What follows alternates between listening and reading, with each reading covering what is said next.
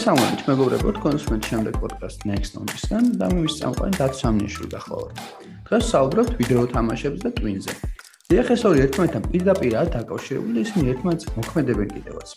ჩვენ ადამიანები Twin-ებით ვიდეო თამაშებს ვქნით და როგორც აღმოჩნდა, ახლა ისინი ვიდეო თამაშებს ვქნიან ჩვენს Twin-ებს.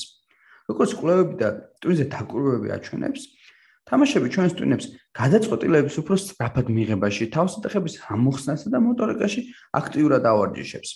დღეს ვიდეოს თამაშების ინდუსტრია 160 მილიარდ დოლარზე მეტად ფასდება და ძალიან რთულია ესეთი ერთი ადამიანის მოძიებაც კი, რომელსაც ვიდეო თამაში ერთხელაც არ გამოუყენებია. მეტიც ვიდეო თამაშების სტატისტიკური მოვლენა არ არის, ის ერთაობაში სრულიად შეიცვალა, დაიხვეწა, ბევრ უფრო მრავალფეროვანი და კომპლექსური გახდა. ტექნოლოგიების განვითარება კი ამ ცვლილებების და მრავალფეროვნების გაგრძელებას გვერდება. ამის ფონზე საინტერესო როგორ იქნება თამაშების მომავალი და მასთან ერთად ჩვენ ტვინების ბედიც. ერთ სიტყვით, პოდკასტში სწორედ ამის გარკვევაში შევეცდებით. ამაში კი ჩვენ დღევანდელი სტუმარი, კოჩი გოლუბიანი დაგვეხმარება, ბიოლოგი და ვიდეო თამაშების ენთუზიასტი. კოჩი, გამარჯობა, როგორ ხარ? გამარჯობა, მიესალმე მსმენელს. აა, სალამი კოჩა, კიდევ ერთხელ. აა მოკლედ დღეს ეგი საუბრობთ ვიდეო თამაშებზე, ხო? ნუ ვიცი რომ შენთვის ესე ვთქვა, ეს ორი სფერო არის რაღაც საყვარელი სფეროა, ხო? შეიძლება ითქვას, ანუ ერთი ის რომ შენ ბიოლოგი ხარ და უშუალოდ გაგვშეხება იმასთან, რაც უნდა ველაპარაკოთ ბიოლოგიის კუთხით, ანუ გინდაც იმ კუთხით შეიძლება უფრო დეტალურად გვესაუბრო, ხო, როგორ მოქმედებს ეს ყველაფერი ჩვენს ტვინებზე და მეორეს კუთხით ემპირიული ცოდნა გაქვს, შეიძლება ითქვას იმ კუთხით, რომ შენ თვითონაც ვიდეო თამაშების დიდი მოყვარული ხარ. და როგორც შენ თვითონ მითხარი, ესე ვთქვათ პოდკასტის დაწყებამდე, რომ ზოგჯერ ძალიან ბევრსაც კი ვთამაშობ, ხო და ნუ შეიძლება ითქვას, რომ დღევანდელი პოდკასტისთვის ამ თემისთვის შენ იდეალური სტუმარი ხარ მოკლედ და დიახ, დიახ, მე ვიტყოდი, რომ მე სანამ ბიოლოგი გავხდებოდი, მანამდე ვიყავი გეიმერი და მე გავხდი ბიოლოგი. ხო, და ეხლა რაღაც ის მოგდის, ხო, გამოდის. ხო, გამოცდილი ვარ ერთ ერთ სფეროშიც და მეორეშიც რაღაც გამოცდილება მაქვს. მაგარია ძალიან.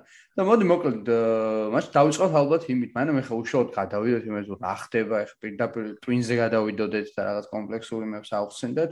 პატარა შესავალივითაც შეგვიძლია ალბათ გავაკეთოთ. ჩვენელსაც ეს უფრო მოეწონება ჩემი აზრით რაღაც რომ მივყვეთ. ქრონოლოგიურადაც რომ მივყვეთ ანუ აი საიდან დაიწყო ხო? საერთოდ ეს ვიდეო თამაშები ანუ როდის გაჩნდა ეს ვიდეო თამაშები და თავიდან როგორც ყველა ტექნოლოგია და ზოგადად რაღაც ნებისმიერ ინოვაცია შედარებით პრიმიტიულია ხოლმე და მე დროსთან განმავლობაში უკვე ვხედავთ რომ ეს იხვეწება ხო ჩვენმა თაობამაც ზამბევი რაღაც გავსი საკუთარ აა საკუთარ თავზე გამოსცადა ეს ხო? დავიწყოთ მოკლედ მაგით რა ანუ როდის გაჩნდა ეს ვიდეო თამაშები და დაიწყო საერთოდ ეს ყველაფერი? დავიწყოთ. კი ზოგადად ეს ვიდეო თამაშების ისტორია ევოლუცია ერთ-ერთი პოპულარული დარგი არის განხილვების და ქრონოლოგიის და არსებობს გეიმინგის ისტორიკოსები არსებობენ და იმათ ბევრად უფრო დეტალები იციან უშუალოდ შემქმნელების პიროვნული ცხოვრების დონეებს, მაგრამ ასე შესავლისთვის შეგვიძლია დავიწყოთ იმითი მარტივად, რომ პირველი ვიდეო თამაში, რომელიც ესე ვთქვათ, რაღაცა მოძრავი ნახატების კონტროლით გამოირჩეოდა ეკრანზე, გაჩნდა 60-იან წლებში, როდესაც მეორე მსოფლიო ომის შემდეგ ინჟინრები თელ ძალისხმევით ცდილობდნენ, რომ შეექმნათ ახალი ტექნოლოგიები, უფრო ყოჩაღად წარმოჩენილყვნენ სოფლიო ასპარესზე და ერთ-ერთი ტექნოლოგია, რომელიც მიზნად ისახავდა ბალისტიკური ობიექტების ტრაექტორიების გამოთვლას, აღჭურვილი იყო იმ დროისთვის ყველაზე ძლიერი გამოთვლითი ელექტრონული სისტემები და ამასთანავე ტელეეკრანითაც, რომელიც ოსცილოგრაფის ეკრანი იყო. ინჟინრებმა მოახერხეს ისე, რომ შეექმნათ პირველი უმარტივესი თამაში, მაგიდის პინგ-პონგი, რომელიც მიზნად ისახავდა, რომ მაგიდის სიტყვიერად მაგიდის ერთი მხრიდან მეორე მხარეს რაღაცა მანათობერი წერტილი გადაგეთამაშებენ ეკით-აკეთ და ეს იყო პირველი ვიდეო თამაში რომელიც საკმაოდ ლიმიტირებული რაუნდრაუდენობის ხალხისთვის იყო ხელმისაწვდომი რეალურად იმ ინჟინერებისთვის ალბათ და იმათი მეგობრებისთვის ვინც მუშაობდნენ უშუალოდ ამ პროექტზე შემდგომ უკვე ამ ტექნოლოგიების განვითარებასთან ერთად აა შემდეგ აწეულში პირველი რასაც ვთქვა კომერციულად წარმატებული ვიდეო თამაშის გაყიდვა იყო ეგრეთ წოდებული პონგი. ეს პონგი დიდად არ განსხვავდებოდა თუმცა ამან უკვე რაღაც მოიპოვა პოპულარობა ხო შედარებით ანუ როგორც მე აა კი კი ხალხში იმ დროისთვის უკვე ტელეეკრანი და ზოგადად და ტელეეკრანთან ასოცირებული რაღაცე სიახლე იყო 70-იან წლებზე ლაპარაკი. ფერად ტელევიზორზე ჯერ საერთოდ ლაპარაკი არ არის და ეს ხალხის ინტერესი რა თქმა უნდა იყო და წარმოედგინე ჯერ ის რა ეფექტი არის, როდესაც რაღაცას მოძრავ სურათს უყურებ ეკრანზე. და შემდეგ შენ გაქვს საშუალება რომ ინტერაქცია გქონდეს ამ მოძრავ სურათთან, სურათთან ტელეეკრანზე და თან ეს იყო კოოპერატიული თამაში. ვერდით ჯდომზე თამაშებოდი პინგ-პონგს. ტელევიზორს ეკრანზე და იყო სულ რაღაც ეს თამაში შედგებოდა სულ რამდენიმე თეთრი ხაზისგან და ერთი მოძრავი წერტილისგან ეკრანი.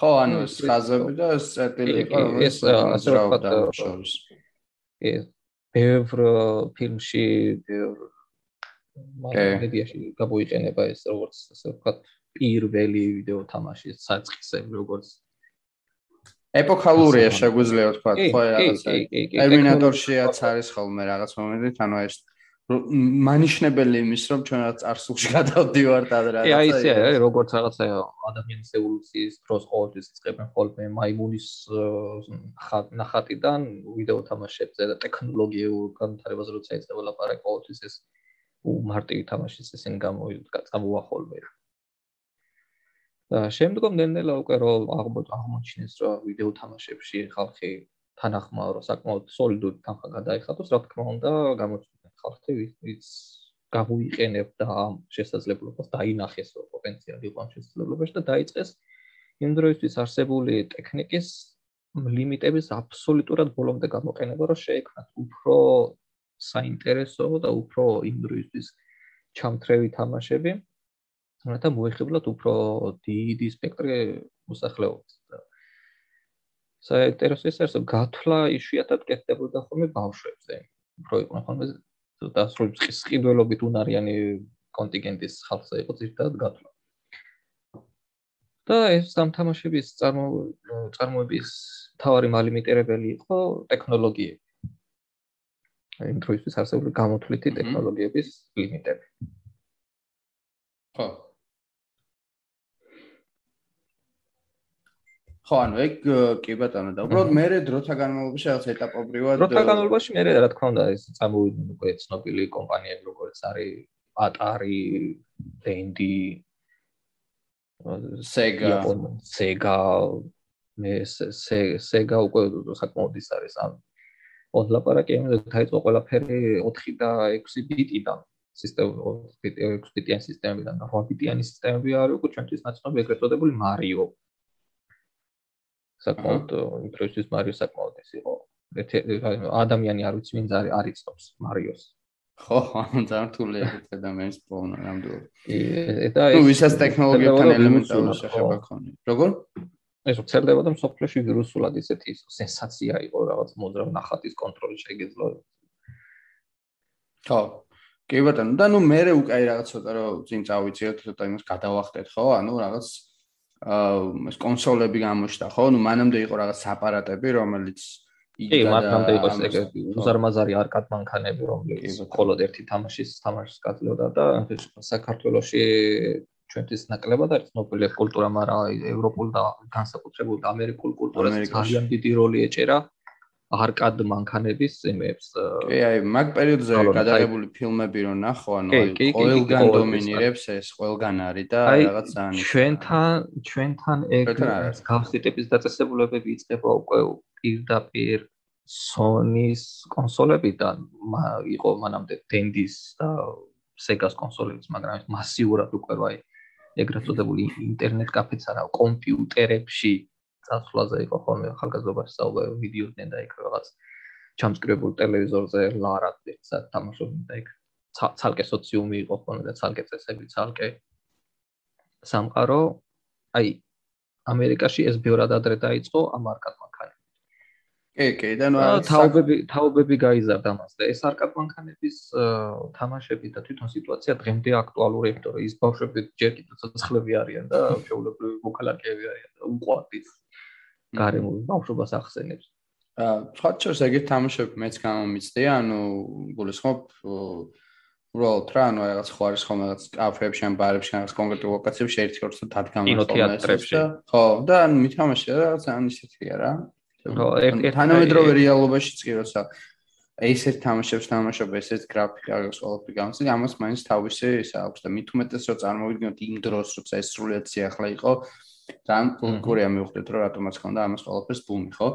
და ნუ მე უკვე ეს კონსოლები ჩდება და უკვე რეალოდ გადავდივართ 90-იანებზე, სადაც PlayStation შემოდის და PlayStation-მა PlayStation-ი, Xbox-ი და ხო ეს PlayStation-ს და Xbox ჩვენ ვიცნობთ ქართველები, იმიტომ რომ ჩვენთან მოვიდნენ ეს თქვა დაუნდობელ ბრძოლაში გადარჩენილი კონსოლები, თორე მანამდე ამერიკას და ევროპაში იყო კიდე უამრავი კონსოლები Dreamcast-ი, რაღაცა GameCube-ი და ის რომელიც საკმაოდ გაცხოველებულ კონკურენციაში იყვნენ ერთმანეთთან და აჰა.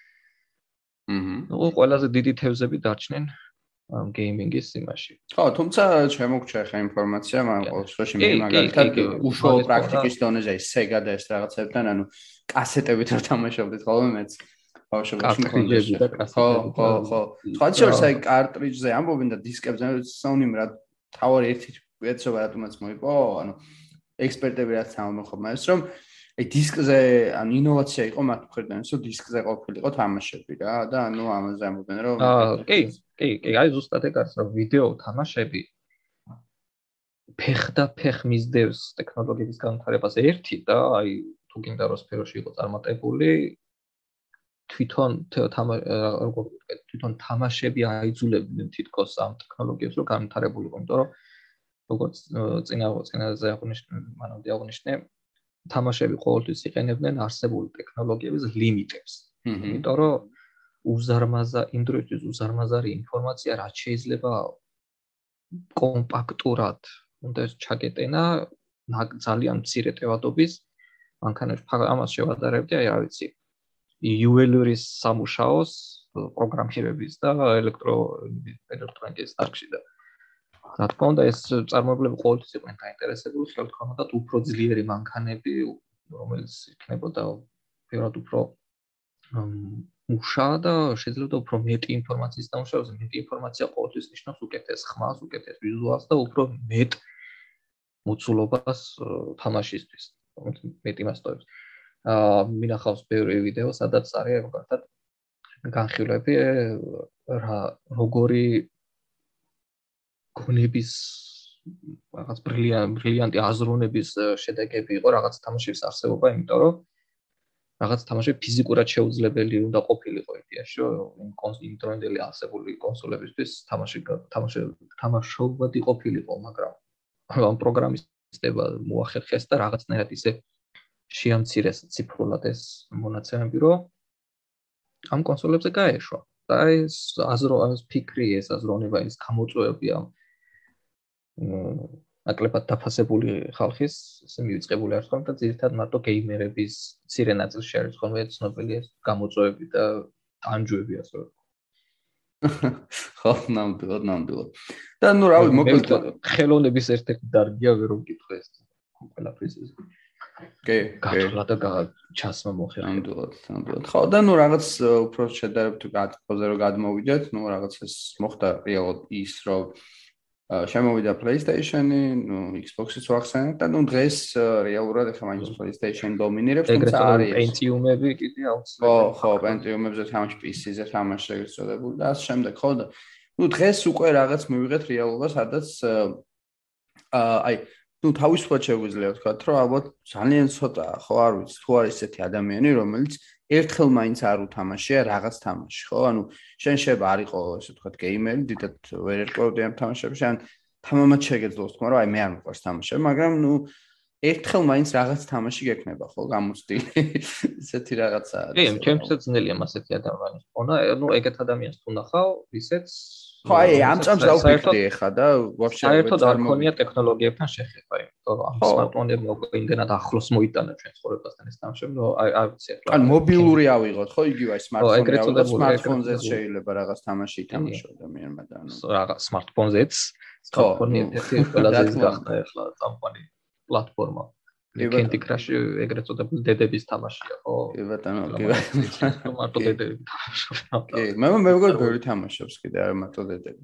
აა ნუ აი მე უკვე შეგვიძლია ვთქვა რომ ამ ევოლუციაზე რო ლაპარაკობს ხო ანუ გამოჩნდა ეს სოციალური ქსელები ანუ ინტერნეტი გამოჩნდა და თამაშები ხო რეალურად ამაზე გადაეწყო ხო და აი ამით ნეუნელად ჩვენ შეგვიძლია რაღაც გადავიდეთ ჩვენს ან ჩვენ თემა ხო რეალურად ორ ორ ორგვარია ხო დღეს? ანუ ეს არის ერთი თამაშები ვიდეო თამაში და მეორე ეს უშუალოდ ტვინზე ხო როგორ ახდენს ეს ტვინზე ხო დამოკიდებულ როგორ მოქმედებს ეს ტვინზე ხო და აი რაღაც დონეზე უკვე შეგვიძლია გადავიდეთ იმ ეტაპზე როდესაც შემოდის სოციალური ქსელები ინტერნეტი და ამ კუთხით შევხედოთ რა რეალურად ანუ რა მოიტანა ამან ანუ აი ამ რა სიახლეები იყო ეს რა ანუ რა შეცვალა ვიდეო თამაშებში? ნუ ინტერნეტის გამოჩენამ და ასპერეზე შემოსვლამ გამოიტანა ახალი შესაძლებლობები თამაშებისთვის და კოოპერატიული და ონლაინ შეჯიბრებადი თამაშების პოპულარიზება. უცბად აითვის ეს თამაშის წარმოებულება ეს ფორმატი, რომ ნუ ორი ორი როდესაც ერთი კაცი თამაშობდა ეს კარგი იყო, როდესაც ორი კაცი ერთმანეთს თამაშობდა ეს უკეთესი იყო და უფრო ჩამთრევი იყო სამეგობროს, და როდესაც საშუალება გაქვს, რომ 10, 15, 30 კაცი ეთამაშობდა მტკიცო შენი უნარების საუკეთესოება და გახვიდე პირველ მეორე მესამე ადგილზე და იყო აუღებელი ჩემპიონი. თამაშების ეს არის ხალხისთვის და გეიმერებისთვის ერთ-ერთი მე ვიტყოდი რომ hardcore გეიმერებისთვის ცხოვრების წესია ეს უკვე. აჰა. თქო, გავლენა იქონია. ძალიან დიდი და მე ვიტყოდი რომ დღევანდელი თამაშების უმეტესობა ძირთაც ონლაინზე არის გადასული და ეს ერთ კაცზე გათვლილი თამაშები ნენდელა. ამოდის ასე ვთქვათ ბაზრიდან დახმარებიდან რომელიც ჩემთვის ძალიან საწენი ამბავია პირადად. ნეუნელა შევეხოთ ტვინსაც და გადავიდეთ იმაზე შევე შევეპაროთ.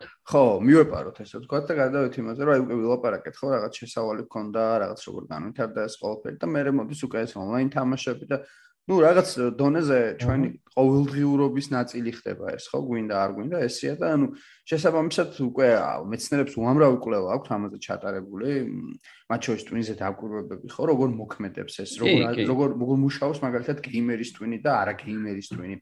როგორ მუშაობს იმ ადამიანის ტვინი რომელიც უფრო ხშირად თამაშობს შუთერს ან რაღაც სხვა სხვა ხო? და აი მოკლედ დავიწყოთ იმაზე თუ აი რაზე რაზე რაზე არის საუბარი ხო? რეალურად რა კონტექსტში მოქმედებს ეს ტვინი და თან აი ყველაზე ისიც ის არის ხოლმე როდესაც ამ თემაზე საუბრობენ რაღაც ორად იყოფა ხოლმე რა ზოგჯერ.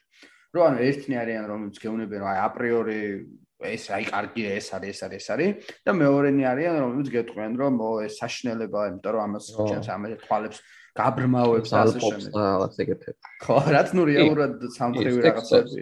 სწორი სწორად არის აღწერილი სიტუაცია მართლა ეგრე არის და რაც შეიძლება რაც შეიძლება პრობლემებს აუცილებლად უნდა დავიწყოთ ადრეული 90-იანები 2000-იანებიდან, იმიტომ რომ ამ ამ პერიოდში უკვე საკმაოდ გავცემდა ეს კარტობის ეს მედია საშუალება. მოიცვა ახალგაზრდების რა ვიცი, უდიდესი ნაწილი ძალიან მაღალ 94% არის მეგონი ამ ბიჭების და 84% არის მეგონი როგორს ან თითქმის ყველა თამაშობს ასე თუ ისე.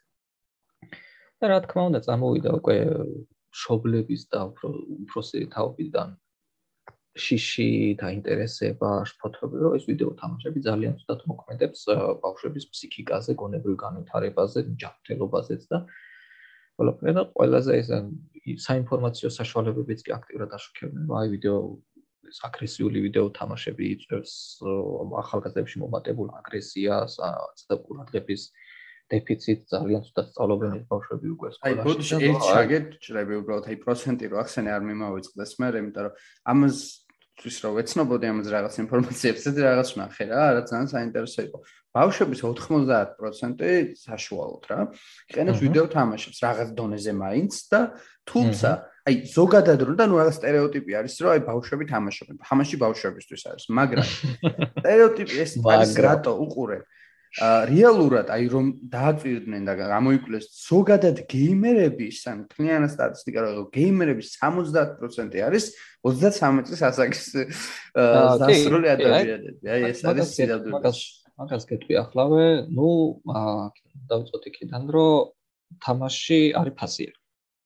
ეს საქართველოს შეიძლება და ისე მოგოჩვენოს, მაგრამ ჩვეული ვარ ჩვენ პირატული ვერსიების თამაში, მაგრამ რეალურად თამაშებს თამაშების შემქმნელი ძირითადი ინტერესი არის ის, რომ ეს თამაში უნდა გაიყიდოს და ამქენა შემოსულთა უნდა იარსებოს როგორც კომპანია, როგორც ფირმა, თანაშრომის ხელფას უნდა გადაუხადოს.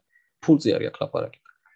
აა ბაუშს არასრულწლოვანს ძირითადად არ აქვს იმის საშუალება, რომ იყოს სტაბილური მხედველი და რა თქმა უნდა თამაშებიც კეთდება ისე, რომ ძირითადი დაინტერესება იყოს მოზარდ-თაობაში და აღწერილ სისტემებში ამ თამაშების ფლობელი ვინ არის იქ ძირთადად ჩნდებიან ისეთი ხალხი, ისეთ შეუძლია მაღაზიაში მივიდეს, ან რაღაც ონლაინ მაღაზიაში დარეგისტრირდეს და იყიდოს თამაში.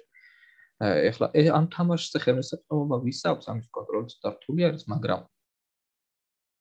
ფაქტი არის, რომ მოზარდი, მოზრდილი თაობის ძალიან დიდი ნაწილი აქტიურად ხარჯავს ფულს ამ სფეროში და აქტიურად არის ამ ამ კარტობის სეგმენტის მომხმარებელი.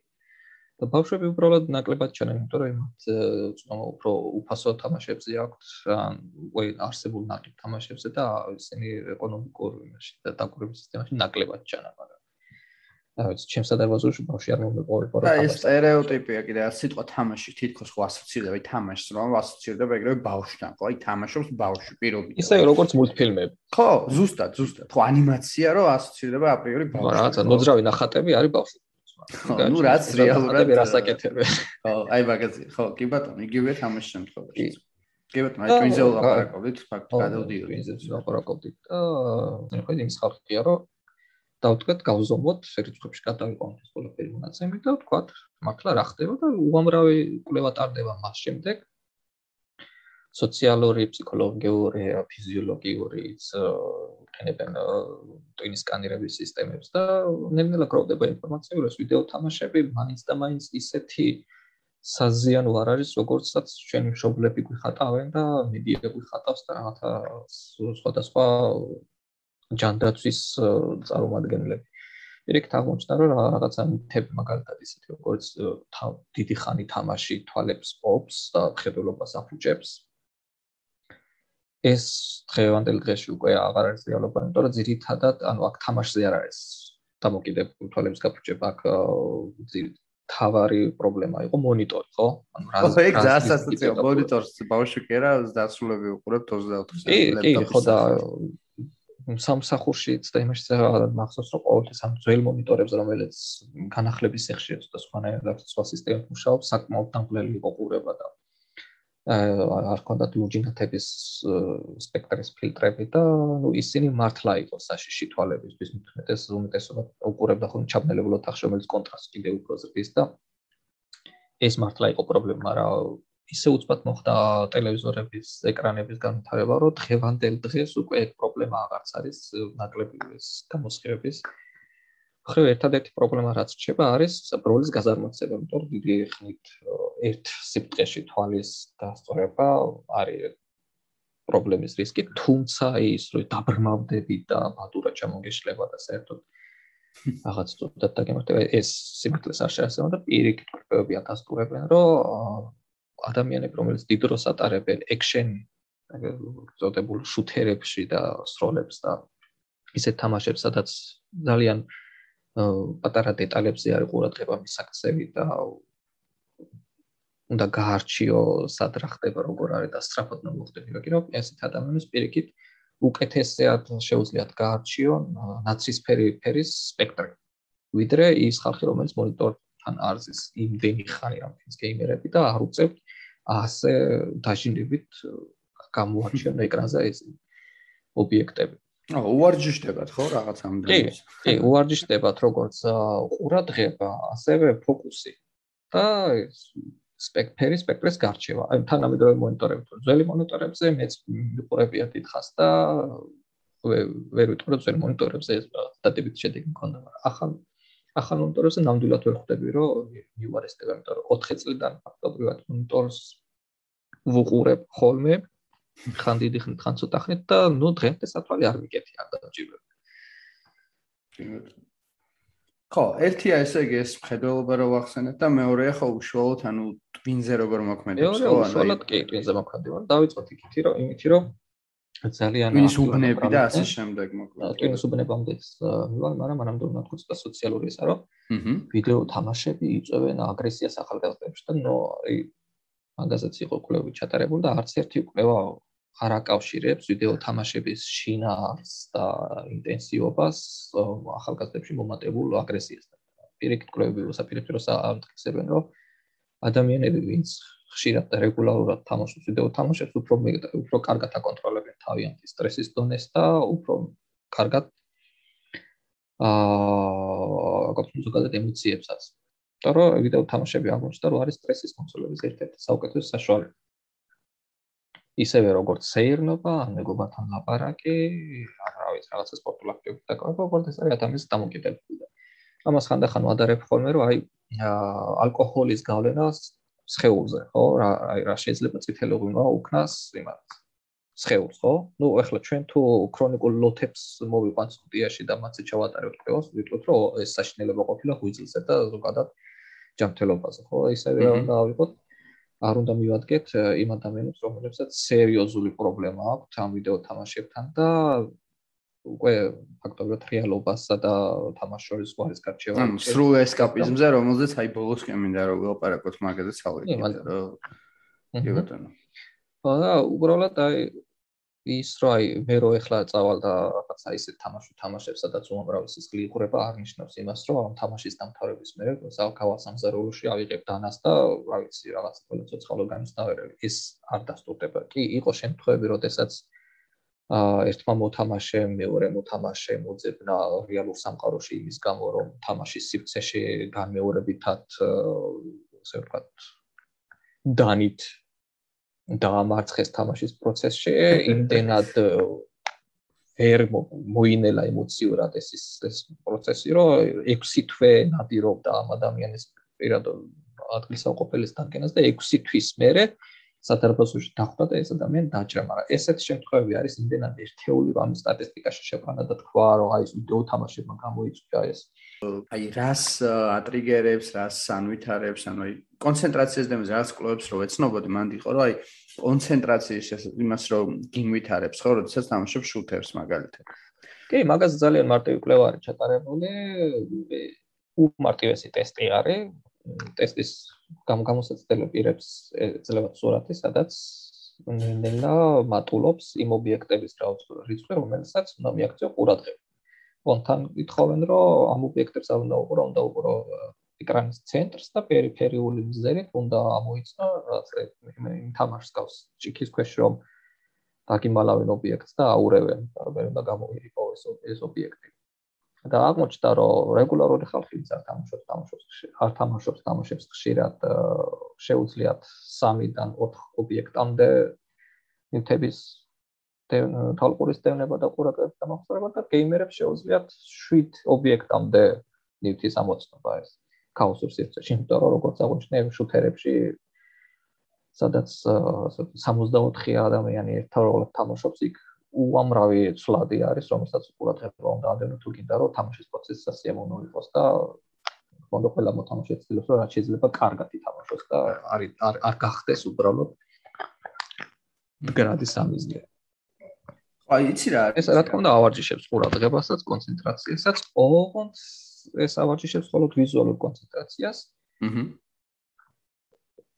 და კიდევ რაც თავარია იმას თვალისა და ხელის კოორდინაციას. ეს ძალიან მნიშვნელოვანია, იმიტომ რომ როგორც ვიცით, ახლა კომპიუტერთან შეხება ხელებით გვაქვს, ხო? აჰა. და სხვათა შორის რამდენიმე შემთხვევა იყო, როდესაც ვიდეო თამაშებს კლინიკები იყენებდნენ პროსტრავმული რეაბილიტაციის შემდეგ, სადაც საჭირო იყო ეს ხელის მოტორიკის აღდგენა და განსაკუთრებით ეს კორპულოზური მოძრაობის აღდგენა, იმიტომ რომ ეგ ჭირდება საკმაოდ ფაქიზი მოძრაობა დროში გათვლით და ასე ვთქვათ, პუნქტის მიხსერების აი მომდეთ მიდივართ, ანუ რეალურად ძალიან ავარჯიშებს ამ უბნებს, რომელიც დაკავშირებულია აღქმასთან და აღქმის შედეგად ასე გარემოში შესატან ცვლილებებზე ხელების დახმარებით. აა იცი რა არის ეს ესე შეკითხვა გამიშლა უბრალოდ აი ასაკობრივი კუთხითაც რა თუ შეგვიძლია რა ეს ანუ იქნება ალბათ ეს კვლევებიც ანუ პატარა ასაკში როგორ მოქმედებს სიტყვაზე თუ არის ამაზე რაღაც სიტყვები, twins-ზე უფრო დიდ ასაკში როგორ მოქმედებს და აი ამ კუთხით კიდე არის ძალიან საინტერესო სფერო, აი რომ აი შეგვიძლია ალბათ იმ კუთხით გავაგზავნოთ, ანუ აი აი თამაშები რო შემოაქვთ, მანჩესტერ კომპიუტერული თამაშები განათლების სისტემაში, ხო, არა დასავლეთში ბევრგან იყენებენ ამას და ჩვენთანაც დაიწყეს სხვა შორის ამასთან მეც მქონია შეხება, როდესაც ჩვენ მაშინ ჩატბოტებს მომზადებდით, ესე თქვა და სტარტაპიდან და აა ბავშვებისთვის რაღაც სისტემა მუშავდებოდა საგანმანათლებლო. რამდენიმე სკოლაში შედიოდა ეს საცდელად და იქ იყო ეს მომენტი უბრალოდ ეს თამაშები შედიოდა ვიდეო თამაშები მათ შორის და ამ თამაშებით უნდა ესწავლოთ მათ შორის პროგრამირება და სხვადასხვა საგნები. და ნუ რაღაც მაშინეს ვინც ამ პროექტზე მუშაობს ცოტა ხნის წინ იყო ეს ერთი წლის წინ დაახლოებით ეხლა გრძელდება იდეაში. აა საკმაოდ დიდი გამოხმაურება ქონდა წარმატება ქონდა რა და აი ამ კუთხით ძალიან საინტერესო იქნებოდა აი ტვინის მხრიდან რომ შევხედოთ რა. ნუ თამაშ თამაშებს ერთი რაც აქვს თვისება, დადებითია თუ არ ყოფითი ეს დოზირებაზეა დამოკიდებული არის ის რომ ჩამ ჩამთრევია რაღაც დონეზე, ანუ დაინტერესება ის რომ რაღაცა მოქმედებები შეასრულო, უფრო მეტია ვიდრე ის რომ დაგიდონ რაღაცა ფუცელი და მაგალითები და კითხა, რომ ამოხსნათ ესაც, რა ვიცი, ამ ამოხსნის პროცესს არ ახლავს არც რა ვიზუალური გაფორმება, არც აუდიო გაფორმება და არც შემდეგ რაღაცა შეჯიბრების. ну მომაბეზრებელი არის ხოლმე. აი, ენდორფინებს უფრო მარტივად გამოყოფ, როგორც ისე ჯილდო რა, მარტივად ვთქვათ, შენ ტვინ გაჯილდოვებს ამ დროს უფრო მარტივად, ხო? ეს ენდორფინების თემა კიდე ცალკე საკითხია, რომელიც საკმაოდ პრობლემური შეიძლება გახდეს, იმიტომ რომ ну, ენდორფინები როტვინისთვის კარგია, ეს ფაქტია. ამ ენდორფინების მიღების გზა თუ არის ძალიან მარტივი, რომელიც არის მაგალითად სავარძელში კომფორტულად ჯდომა და პატარა კნოპკებზე ხელის თითის რაღაც დროულად დაჭერა და ეკრანზე შესრულებული რაღაც საოცარი ილეთების მოყოფილება, ну ეს რაღაც პერიოდი რაღაცა დოზით კარგია, რომ სტრესი ნაკლებია, რაღაც მიხარე კარგ ხასიათს აქვს, მაგრამ პრობლემა არის ის, რომ როდესაც ჩვენ ძალიან ცირე დანახარჯით ვიღებულობთ ენდორფინს ამა ძალიან იოლად შეიძლება გამოიწვიოს ასე რომ ვთქვათ თლიანად სხეულის გაზარმაცება. ზოგადად ესეთი წესი არის რომ ზაგროს პატრონებისთვის რეკომენდირებულია რომ ზაგრს საჭმელი მიეცით გასეირნების შემდეგ იმიტომ რომ მისთვის ფიზიკური აქტივობა იყოს დაკავშირებული რაღაც კარგთან აა სრო ანუ ვიდეო თამაშები კარგია მაგრამ არ უნდა დავიწყოთ რომ მარტო ვიდეო თამაშები რაღაცები უნდა გავაკეთოთ ვიდეო თამაშებამდე რაღაც ფიზიკურად გავი გავი გავმიავდეთ ხალხიც ნახოთ. რაღაც რაღაცებსაც დავკავდეთ რომ სრულად ამაზე არ იყოს დამოკიდებული ჩვენი ტვინის ენდორფინების მარაგი. იმიტომ რომ სხვა ფიზიკურ აქტივობებს მოვიკლათ ეს უკვე ჯანმრთელობის პრობლემებს გამოიწვევს მართლა უკვე მაგრამ ეს არის ლაპარაკი დღეში, წარმოიდგინე, უნდა იჭდე 7 საათზე, 8 საათზე მეტი ყოველდღიურად, კვირაში 7-ვე დღე და აკეთებ ეგივე საქმე, რომელიც ნუ მე რა ვკითხოთ, ცოტა ძნელი გასაკეთებელია, იმიტომ რომ მინიმუმ ელექტროენერგიის დენს გადახდა უნდა, მინიმუმ ახალ თამაშებს ყიდვა უნდა, კომპიუტერსაც საკმაოდ ფინანსები ჭირდება და ნუ ასეთი დომით და თამაშით ინადენ ვერ არსებობს თუმცა შეიძლება შეიძლება გეიმერი გახდე პროფესიონალი ნუ შეიძლება შეიძლება მაგრამ ნუ მე სიმართლე რომ გითხრა პროფესიულ გეიმინგს ნაკლებად ვქრობ იმიტომ რომ აი ეს პრინციპში ახლა თუ დაფიქრდებით სამსახურების რომელიც პროგრამირებას მოითხოვს სადაც თელი დღე უნდა იჯდე მონიტორთან და ეს საქმე აკეთო ნუ ყოველ შემთხვევაში ის ფაქტია რომ თელი ჯანმრთელობისთვის რეკომენდირებული არ არის დიდი ხნის ჯდომა, არ არ აქვს მნიშვნელობა ვიჩდები ჩვენ თამაშისთვის თუ ლუკლაპურის საშუალებლად. ადამიანის ორგანიზმი არის სიარულისთვის შექმნილი და არა ქრონიკული ჯდომისთვის. ხო, ну, რაღაც დონეზე მაინც, ანუ აი, კლასიკურ მასში ხედავ ოფისში შრომას, ხო. უშუალო ვიდეო თამაშების თამაშის პროცესი არ არის რაღაცა საფრთხის შემცველი არც ფსიქიკისთვის, არც იმისთვის, მაგრამ ეს არის მთავარია, ყველაზე მთავარი ასპექტი, დოზირება და ადამიანის ფსიქოლოგიური დამოკიდებულება გართული სამსაშუალებასთან. ეს ესეთივე საშიში შეიძლება გახდეს, რა ვიცი. ხატვა მაგალითად, თუ ეგ აკვიეტებულად ხატავ, ხატავ, ხატავ, ხატავ, შეიძლება საღებავ მომოგწამლოს და დაიმართო დაუმართებ. ო, არ კი ბატონო. აა ის არის რა ქვია, ჩემს არის საინტერესო, ანუ ეს ლაპარაკობთ ამ თამაშებზე, ხო? საკითხი საინტერესო არის, რომ აი ჩანელსაც შეიძლება საინტერესო ალბათ, ხო? ერთი იმის რომელიც სიტყვაზე შეიძლება ცერკვა ამ ჟანრებში და მეორე რომ შეფსეცმენების მეც ხარ, რომელსაც თამაშებში დიდად ჟანრებში მithumetas ვერ ერკვევა და არსებობს ამ ბევრი ჟანრის თამაში, ხო? ეს შუთერები ვახსენეთ, ხო არის სტრატეგიები მაგალითად რაღაც ბევრი სპეციფიკის თამაში, ხო და აი ამ ხრივ რა შეგვიძლია ვთქვათ რა, იმიტომ რომ არის საერთოდ ისეთი თამაშები, საიდანაც ხა აი მე და შენ ვცოთ ამ პოდკასტის კონკრეტულ თემას ჩაწერეთ, საიდანაც გაგვიჩნდა ხო ისე ხო რომ აა მე მე აღმოჩნდა მე არ ვიცოდი ეგ ყოველ შემთხვევაში შეგთამაშა და ადამიანები რაღაც თამაშობენ, რაღაც ერთ შეხედვით პრიმიტიულ თამაშს, თუმცა ამ პრიმიტიულ თამაშს რაღაც ძალიან მნიშვნელოვანს აკეთებენ მეცნიერებისთვის და მათთვის რაღაც დატას ამუშავებენ და ბაზას ამუშავებენ და შეიძლება რაღაც უჯრედების გაშიფრვაში მიიღო ამით მონაწილეობა, ხო, პირობითად ვამბობ და აი ჟანრებზეც რო ვილაპარაკოთ, ანუ და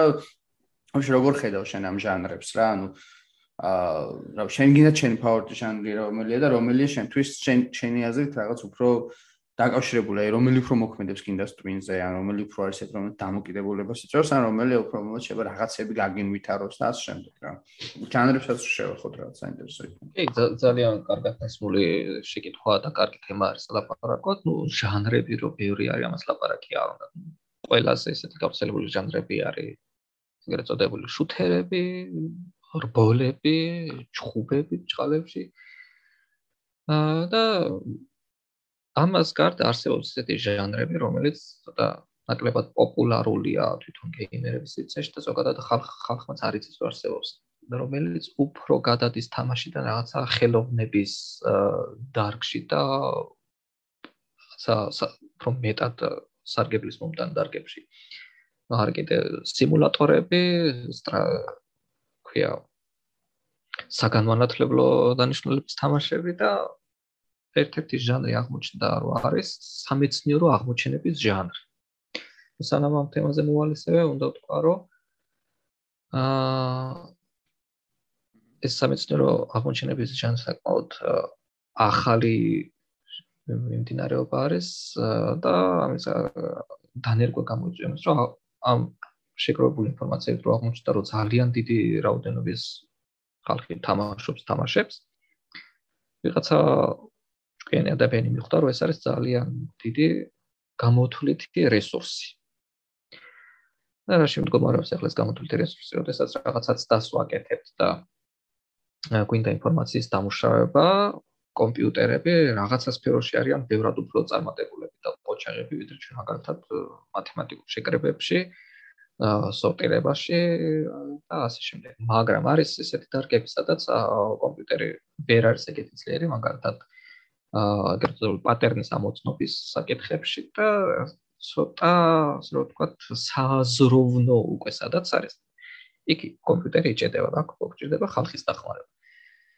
და ხალხის ჯგუფმა ეს ინფორმაციის დამუშავების პროცესი რომელიც გულისხმობს იმას, რომ ეკრანთან უნდა იჭდე და შესაბამისი ინფორმაციები რაღაცა ლოგიკური მახასიათებლებით უნდა დააჯგუფო ერთად და შესაბამისობაში მოაყვანო არის ძალიან დროის და შრომატევადი დროის მომთხო და ადგნენ და შეფუთეს ეს პროცესი რაღაცა ლამაზი ნახატებით, მუსიკალური გაფორმებით, რაღაცა ქულების მექანიზმებით და ხმარებლებამდე მიიყვანეს ასე ვთქვათ ვიდეო თამაშები რომლის თამაშის თამაშის პროცესით რეალურად შენ ალაგებ და ვარცხნი და აკეთილშობილებ მეცნიერულ მონაცემებს, რომელიც სხვადასხვა კვლევებში შეიძლება იყოს გამოყენებული. თუმცა როგორიც არის აა დასიქვენერებული გენომის დალაგება, გაშიფრვა ბაქტერიულ და სხვა რაღაცა ტაქსონომიურ კვლევებში.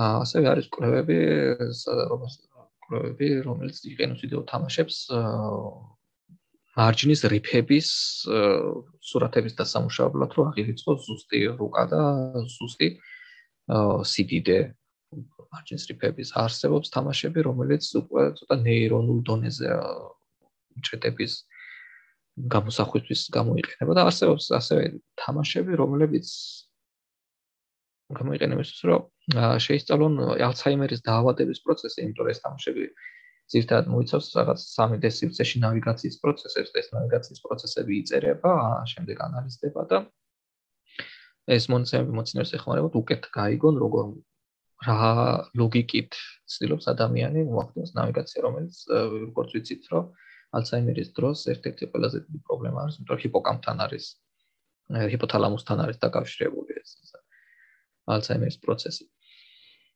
აა ასე ასე არსებობს თამაშის ჟანრები, რომელიც არის ეგრეთ წოდებული რეაბილიტაციისთვის და რელაქსაციისთვის. ესე თამაშები ნაკლებად არის დატვირთული რაღაც over the top action კომპონენტებით, რა არაფერი არ გახდება სახეში, არაფერზე არ ჭირდება ყურადღების დაცვა, პირიქით არის ძალიან შვიდი აურა, ლამაზი თბილი ფერები, ლამაზი ახატები. ამ სივრცეში ნავიგაციით და რაღაცა ობიექტებთან ინტერაქციით ბევრი ადამიანი წყნარდება და ასევე იყო მოცემ სადაც შიზოფრენიით დაავადებულ ადამიანებს აა თამაშების თამაშის პროცესის დროს უცირდებათ ეს რაღაცა აგრესიული აუდიო ჰალუცინაციები. რომ ყურადღების გადატანა ხდება სპასაკითხზე და არა, ნუ აი შენ ძალიან რაღაც ახსენე ხა ხო? ეს რამდენი რამე შეიძლება რეალოდეს თამაშები გამოვიყენოთ და აა ჩემ ყველაზე იყო საინტერესო იყო აი ერთ-ერთი რომელიც საუბრობდი ხა შენ თან მეც რომელიც ახსენე ის იყო რომ აა ეს საქმიანობის თემებში რო ეხმარები ხო? და აი უფრო დეტალურად შეგვიძლია ეგ ახსნათ ან როგორ ხდება რეალურად ეგ იმიტომ რომ რაღაც ძალიან ისეთი შეგიჟე გამოდის რეალურად ზუსტად და და ნუ ვაფშე იგი მომენტი ისაა გესალთ ნეტა თუ იციან შენი აზრით ვიღაცები მომის ამას თამაშობს რომ შე ისეთი იყოს ზე თამაშობ არც იცის რა საკეთებს ხო? აა როგორც წესი მოთამაშეები ინფორმირებულები არიან. ხო და ხო შეიძლება ამოგიდოს პროსტა აი უბრალოდ ამოგიდოს რაღაცა გადმოწყვეტ თამაშობ და არც იცი ვაფშე არც თამაშობ. აა ნუ ანოტაციას თუ კითხულობ ყოველთვის თამაშის და წების წინი ყოველთვის ეწერება არავინ დაგიმანოს ამ ინფორმაციას. არა დამალოს არ გულისხმობ უბრალოდ შეიძლება თქო არ იცოდეს თუ ვიღაცა ნამდვილად პრობლემა ის არის, რომ ასეთი ტიპის თამაშები, რომელიც მეცნიერებისთვის არის სასარგებლო, თამაშის თვალსაზრისით არის ტექნიკურად უფრო ნაკლებად გამართული. აჰა. იმიტომ რომ ასეთ თამაშებს, ასეთ თამაშების კომერციული დაინტერესება ნაკლებია, ზითად უფასო არის ხოლმე და მუშაობს პროგრამის და ძალიან მცირე ჯგუფები. და ნუ ვიზუალური და მუშაობის თვალსაზრისით არც თუ ისე სახარბიელო და მიმზიდველი არის, როგორც რაღაცა მაღალი დონის თამაშები, ხო? მაგრამ ჩემდა გასაკვირად, როდესაც თამაშობდი ერთ-ერთ თამაშს, რომელიც დიდად რო თქვა რაღაც ესეთი სამეცნიერო ღირებულებები და თეატრ ტვინის დიდი რაღაცა დაზაბო არ ჭირდება რომ თამაშო ჩვენი თამაში გასართობად სულ შემთხვევით თამაშის პროცესში გადავაწყდი თამაში არსებული მინი თამაშს ამ თამაშიც კი არკად მანქანის სახით იყო წარმოადგენილი. ეს შემთხვევით გავააქტიურე და ჩაერთო ინფორმაციული ვიდეო, რომელიც ხსნის რა არის ეს თამაში და აღმოჩნდა რომ ეს არის აა ბაქტერიული ადამიანის ნაწლავის ბაქტერიული ფლორის გენომური სეკვენსების დალაგების ეგრეთ წოდებული crowdsourcing-ის ცდელო, რომელიც არის იმდენად კარგად კარგი ფორმით მოწოდებული მოთამაშის თან აქვს თოვანი აემოცია გამეხატა აღარ ვიცოდი.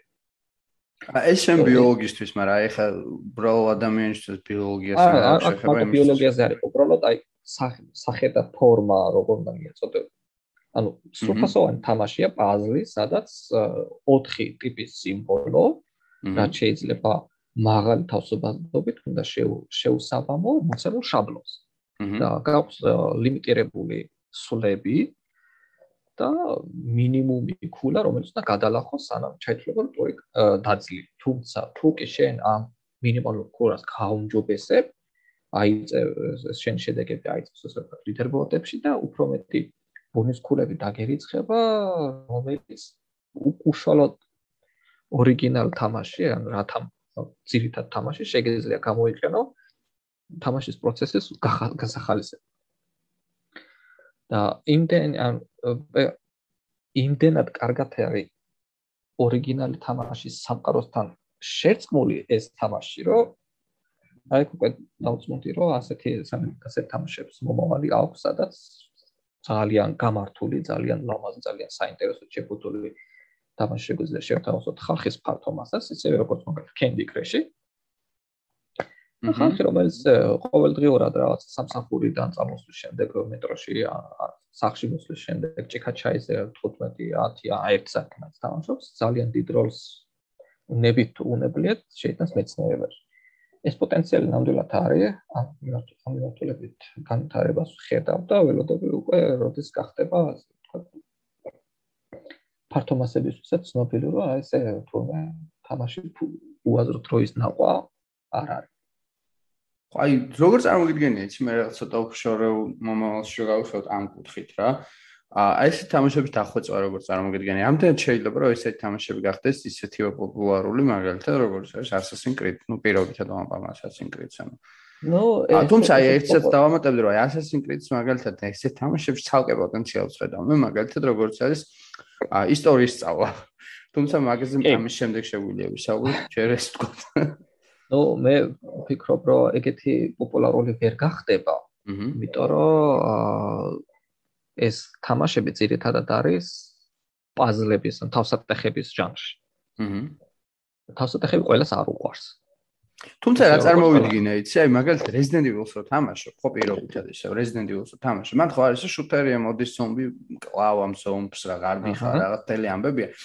მაგრამ ძალიან ბევრი ერთ თავსატეხებ მან რა, ანუ აი რაღაცა არ ვიცი ეს პროცენტი ძალიან რთულია რო თქვა რამდენი, მაგრამ წარმოვიდგინე აი უხეშად რო თქვა 20% შეიძლება იყოს ამ ხელო ძალიან დიდი თამაში, სოფლის ძალიან ცნობილი, ყოველთვის ცნობილი თამაშის 20% აი რა სულ თავსატეხებია რა, ანუ განაწილების მე მითამაშე ყოველ შემთხვევაში ძალიან ბევრი ხოლმე ესეთი თავსტეხები რომელიც ბავშვობაში ძალიან მღლიდა ხოლმე მართალი გიძღრა ცოტა რო გავშედე მე მომწონდა მომეთქი აი ისევ გამოჩნდა და რაღაცა გასაღები სადღაც რომ უნდა გაუკეთო და რომ ავაგებ რაღაცებს და ეხა გამიშდა აი ამ წამს გამიშდა ბოლოს დიდია.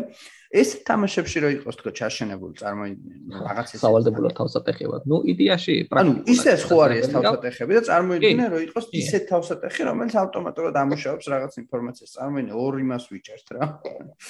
ორ კურდღელს ე კი ნუ ტექნიკურად და თეორიულად შესაძლებელი არის მაგრამ პრობლემა არის ის რომ ამ ვიდეო თამაშებს, რომელთაც სამეცნიერო მონაცემია დაალაგდეს, ჭირდება რაოდენობა, ხალხის რაოდენობა, რომელიც რეალურად მილიონებს ციფრს გეიმერებს იწვი, ხო? აა შენ თუ ისეთ თამაში რომ ისეთ თამაში ჩატებ რაღაცა ერთეულ პაზლებს, რომელსაც ისტორიის გავლის განმავლობაში ერთხელ გაივლის მოთამაშე და თამაში შეიძლება სულ ერთხელ მოთამაშე, თუ ძალიან თავგადაკრული არ არის ორჯერ სამჯერ გაიმეოროს, ну, არ გაძლევს ისეთ აა ასე ვთქვათ, მონაცემებრივ ხარისხს, რომ ამისთვის ღირდეს წვალება. აჰა. ეს უფრო იქნება, რომ კონკრეტულად ერთი ტიპის ერთი რაღაცა მოცემულობა იყოს, როგორც მაგალითად სამი ფერის ერთმანეთზე დამთხევა და აი როგორც იყო ის აა ლუქსორი ან ზუმა.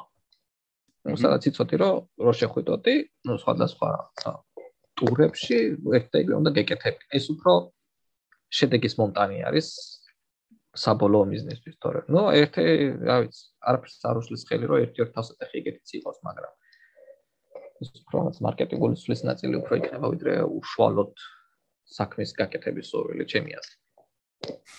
ხო, შეიძლება. ხო, მეორე ნაწილი. ხო.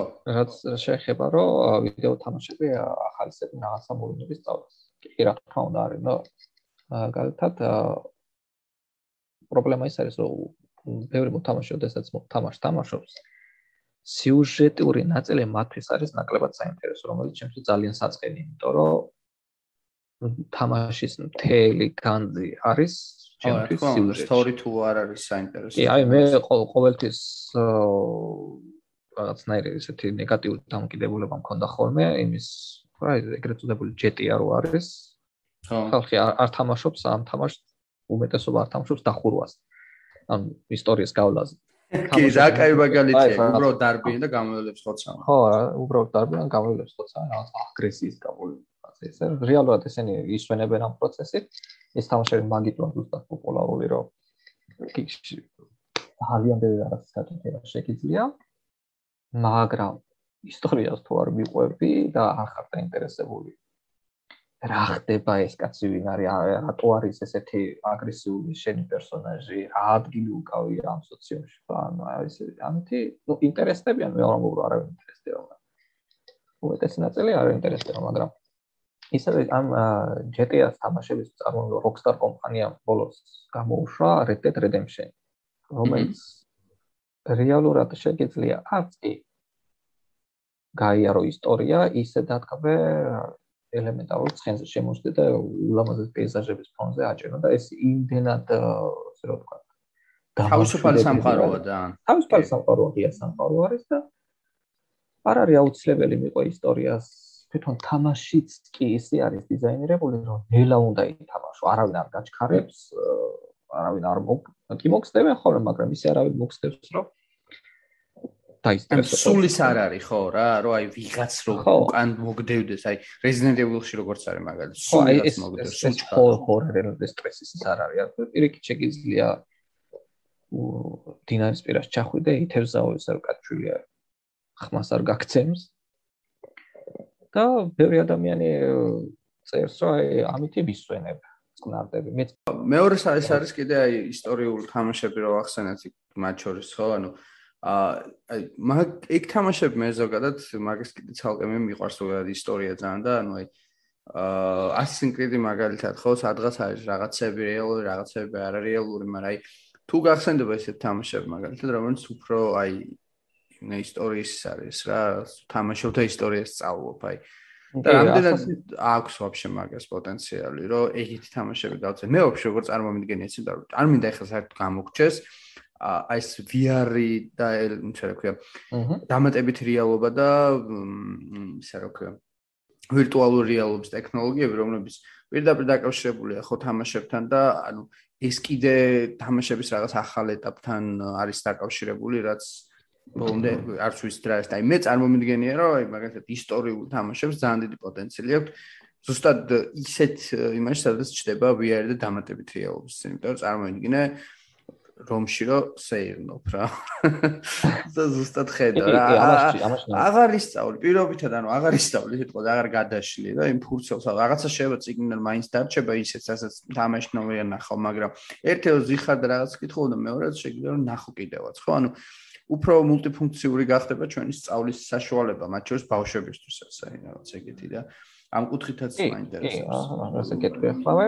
ნუ Assassin's Creed-ის ყველაზე ისეთი ამბიციური სულა რაც იყო რამაც ჩემი როგორც პირადად ჩემი მოთ დაინტერესება გამოიწვა იყო ის რომ თავაზობდა ისტორიის ალტერნატიულ ვერსიას. ჰმ. და ეს უკვე საინტერესო არის იმ ხრი რომ აი რაღაცა ვიცი რომ აქ ალტერნატივაზეა ლაპარაკი რაღაცა მოვლენავს ხედავ და უკვე მიჩნდება ინტერესი და რა იყო რეალურად ამ? რომელი ისტორიულ მოვლენას ესმება ხაზი აქ და ჩემთვის ერთ-ერთი ის იყო Assassin's Assassin's Creed-ის მეორე ნაწილში აღმოაჩინე აა მეტი ისა რაგვარი იყო? მედიჩების კვად ხო კი ბატონო. რომლებიც თურმე მართლა არსებობდნენ ვენეციაში ესეთ ბანკირების ოჯახი რომელსაც საკმაოდ დიდი როლი ჰქონდა ამ ვენეციის განვითარებაზე და ხო, იმაში დაკავშირებულები კი ბატონო. კი, კი, ანუ ასე თამაშები, რომლებიც ესე გამოდიან და თავის ერთ-ერთ საბაჭრო ღირებულებად ხიან, რომ არიან ისტორიულად ზუსტები. ან ის თალკე საკითხი მე ყო რამდენად უწევი არის მაგალითად ერთხელ Ubisoft-ი გამოვიდა ახალმაღალი განცხადები და თქვა რომ ეს შემდეგი Call of Duty-ის ნაწილი რომელიც პირველი ნაწილების საკმაოდ აკურატული იყო გამოვიდა თქვა რომ ჩვენი ეს შემდეგი თამაში არის ისტორიულად ყველაზე აკურატული თამაში რაც შეიძლება იყოს და აღმოჩნდა რომ ნაცისტური გერმანიის მხარეს მოწინააღმდეგეების რიგებში იყვნენ შავკანიანი ადამიანები თუმცა მე არც ერთ ისტორიული წყაროდან არ მახსენდება რომ ოდესმე გერმანიის ფრონტზე გერმანიის მხარეს იბრძოდა შავკანი და აქ გავსი დეტალებს უძღვები არის. თუმცა ოდესაც მე ვთამაშობდი იგივე Call of Duty-ის პირველ ნაწილს რომელიც მეორე მსოფლიო ომზე იყო აქცენტი გაკეთებული ოთახში ვიჯექით სამი ადამიანი, მე ჩემი ძმა, ჩემთვის მეგობარი და ერთ-ერთი სცენა იმდენად ემოციური იყო კინემატოგრაფიული თვალსაზრისით, რომ ესე ვიჯექით ამ სცენას უყურებთ, არ ვაკეთებთ, რომ სცენას უყურებთ და ერთმანეთს გადავხედეთ და თქვით, აი ეხლა უკვე ვიცი რას გრძნობდა ბაბუაჩვე. ვა, იმდენად ხო აი იმდენად ჩამთრევად იმდენად რაღაცა სუყეთ და კარგად იყო გადმოტანილი ნუ იქ ფორმები, პოლიტიკური სარჩული, თარიღები, ისინი ყველაფერი ნუ იმდენად ზუსტად იყო რომ თა რეალურად მე შეიძლება ვთქვა რომ მეორე სოფლიოს ისტორია ვისწავლე ვიდეო თამაშები. ასევე ვიდეო თამაშების დახმარებით მოვისწავლე რუსული და ინგლისური ენა უკეთესად ვიდრე სკოლის პროგრამა და ვიდრე სკოლის პროგრამა აძლევდა იმიტომ რომ უამრავი რაღაცა უნდა წაიკითხო და გაიაზრო. ისე ძალიან ძნელია პროგრესირება განცოდო ისტორიის გავლისას გაიჭედებს სადაც ვერ გაიგებრა უნდა გააკეთო სულ მიწევდა მოსმენა ტექსტის ყურება კითხვა და მაიძულა რომ აქტიურად მისწავლა ინგლისური ასევე ვიდეო თამაშების სწავლის თვალსაზრისით კარგი ემხრე რომ ახალისებს ინტერაქტიული და პროგრესული სწავლის მეთოდზე. არა ის კი არა რომ ახლა წიგნი გადავშალო, წავიკითხო რაღაცა პარაგრაფი 15 ჯერ და რაღაცნაირად მოახერდე რომ დავისწავლო. ნუ ინფორმაციის დატოვის პროცესიც კარგია, მაგრამ აქტიური სწავლება არის უფრო ექსპერიმენტალური მეთოდი. აი რა მოხდება ესე რომ გავაკეთო და მიზეს შედეგობრივი კავშირების დამყარება და ნუ ბევრი ადამიანი ვინც სკეპტიკურად არის გაწყობილი თამაშებისათვის, რომ twins ანელებს და ადნობს და აკავებს რომელიც არის რეალურად პირიქით ხანდახან თამაშებში იმდენა იმდენ ერთდროულად იმდენი ტიპის ინფორმაციის დამუშავება და განაზრება გჭირდება რომ რა ვიცი შეიძლება შევადაროთ აქტიურად ქალო თბილისის ქუჩებში მანქანის დარებას აჰა ტვინს რეალურად ამუშავებს. აი პრობლემა ჩდება უკვე როდესაც ადამიანი თლიანად გადაერთვება ამ თამაშების სამყაროში. აღარ აინტერესებს რეალური სამყარო საკმაოდ წეში, იმიტომ რომ ეს ვიდეო თამაშები იმდენნაირი არის ჟანრობრივად, ვიზუალურად რაღაცა სამყაროს, რომელიც შენთვის უფრო მისაღები არის ვიდრე რეალური სამყარო ყოველთვის ნახა. და ადამიანებს ისაც საკმაოდ სტრესული გარემო აქვთ და არ აქვთ იმ საშუალება, რომ ემოციურად დაიცალონ რეალურ სამყაროში რეალურ ხალხთან და ყოველთვის იყენებენ ვიდეო თამაშებს სტრესის გასანეტრალებლად აქ დიდი რისკი იმისა რომ გახდნენ დამოკიდებული ამ საფრთხეს იმიტომ რომ მათ პრო ფსიქოლოგიის დარგი არის სადაც უკვე ეს ეგრეთ წოდებული კოპინგის მეთოდი ცოტა საშიშრებას წარმოადგენს სოციალური ურთიერთობებისთვის და უამრავი ხალხი მე რომელიც ესეთ აქტიურად არიან ჩართულები ამ საკითხში ხარჯავენ უდიდეს ფინანსურ რესურსს ამ სამყაროში არსებობისთვის. და ყოფილა შემთხვევები როდესაც ხალხს დამართვია თუ უდიდეს დეპრესიები როდესაც ну აკაუნტზე წვდომა დაკარგეს ან რა ვიცი თამაში დაიხურა აღარ აღარ ხო შესაძლებელი ამ თამაშს თამაში. ან უბრალოდ დაუშალეს პრობლემა ეთამაშა და ეს უფრო სერიოზული ფსიქოლოგიების სტრესი. ა ნუ ეგ ვიდეოების შეგვიძლია YouTube-ზე ჩაწერო აი ახლა ვიდეო ბავშვი რო ეს არის საკუთარ პანიკაში ვარ. ბევრი, ეს არის საკმაოდ ბევრი, მაგრამ სიმართლე გითხრათ, შეიძლება ესეთი მწვავე რეაქცია მიიღო, როდესაც ბავშვს არ აკნოს შოკოლადს. ეს არის უკვე უშუალოდ ბავშვის მექანიზმი, ა როგორ როგორ ახდენს პოპულარობას მშობლებს რომ მიიღოს ის, რაც უნდა რომ მიიღოს. და ასევე მე არ მომწონს ბევრი ვიდეო თამაში განსაკუთრებით smartphone-ებზე, რომელიც საპირისპირო ყველაფერი იმისა, რაც აქამდე ვილაპარაკე. აა არის ძალიან მარტივი თამაშები. აი გამაღიზიანებლად მარტივი თამაშები, სადაც უბრალოდ რაღაცა ვიზუალური ეფექტებით გადაჭყები და რაღაცა უაზრო ხმებით დატვირთულ თამაშებს და თამაშის პროცესი გულისხმობს რაღაცა ერთი თითი უნდა აჭირ რაღაცა ეკრანს გამეორებითად და ასე თამაშებში არც სიუჟეტი არის, არც დიალოგები, არც პერსონაჟების სიღრმეები არაფერი არ არის. აი ესეთი თამაშები ცოტა საშიში. ესეთი თამაშებს უნდა მოვარიდო ბავშვები, იმიტომ რომ არა. ბევრი უკეთესი, ბევრი უკეთესი თამაში არსებობს, რაზეც ხილს უყურებთ და ნუ თან მე ადრეული ასაკიდან ვიდეო თამაშებით დატვირთვას არ არის აუცილებელი, იმიტომ რომ ეს ეკრანზე მიჯაჭვულობა ცალკე პრობლემას იწვევს უკვე. ბავშვმა ჯერ უნდა ისწავლოს რეალურ სამყაროსთან ინტერაქცია და შემდეგ უკვე, როდესაც აი უკვე შეძლებს ციგნების დამოუკიდებლად კითხვას. კი, მაშინ შეიძლება ვიდეო თამაშები მიეწოს. იმიტომ რომ მე თქვი რომ ვიდეო თამაშები არის აა ხელოვნების და ასე ვთქვათ ინფორმაციის მიღების ერთ-ერთი მედიუმი რომელიც საკმაოდ ამ დროისთვის არის შესაძლებელი. მან ნუ ცალკე არის კიდე რა, ეხლა მაგას რა გამახსენდა ეცე ვაფშე. ვიდეო თამაშებში არის ინტერაქცია, რაც არის არც წიგნში და არც ფილმში და თუმცა, თუმცა, თუმცა მან ჩაგერთვები რომ ის გამახსენდა ეხლა რა, ანუ Black Mirror-ის Bandersnatch სადაც ეგ შემოიტანეს საერთოდ რომ ფილმი თამაშდა ამ შეხოს, თამაშებს ფილმს გამშეხოს და ის რო არის ხო იცი გამონათქვამი რო ხუმრობენ ხოლმე. ბებია ბებიას აღარ გავს, мама мамას აღარ გავს, შვილს აღარ გავს, რაღაცა ეგეთი რაღაცა იყო, რომ ფილმი ფილმს არ გავდა, თამაში თამაშს არ გავდა.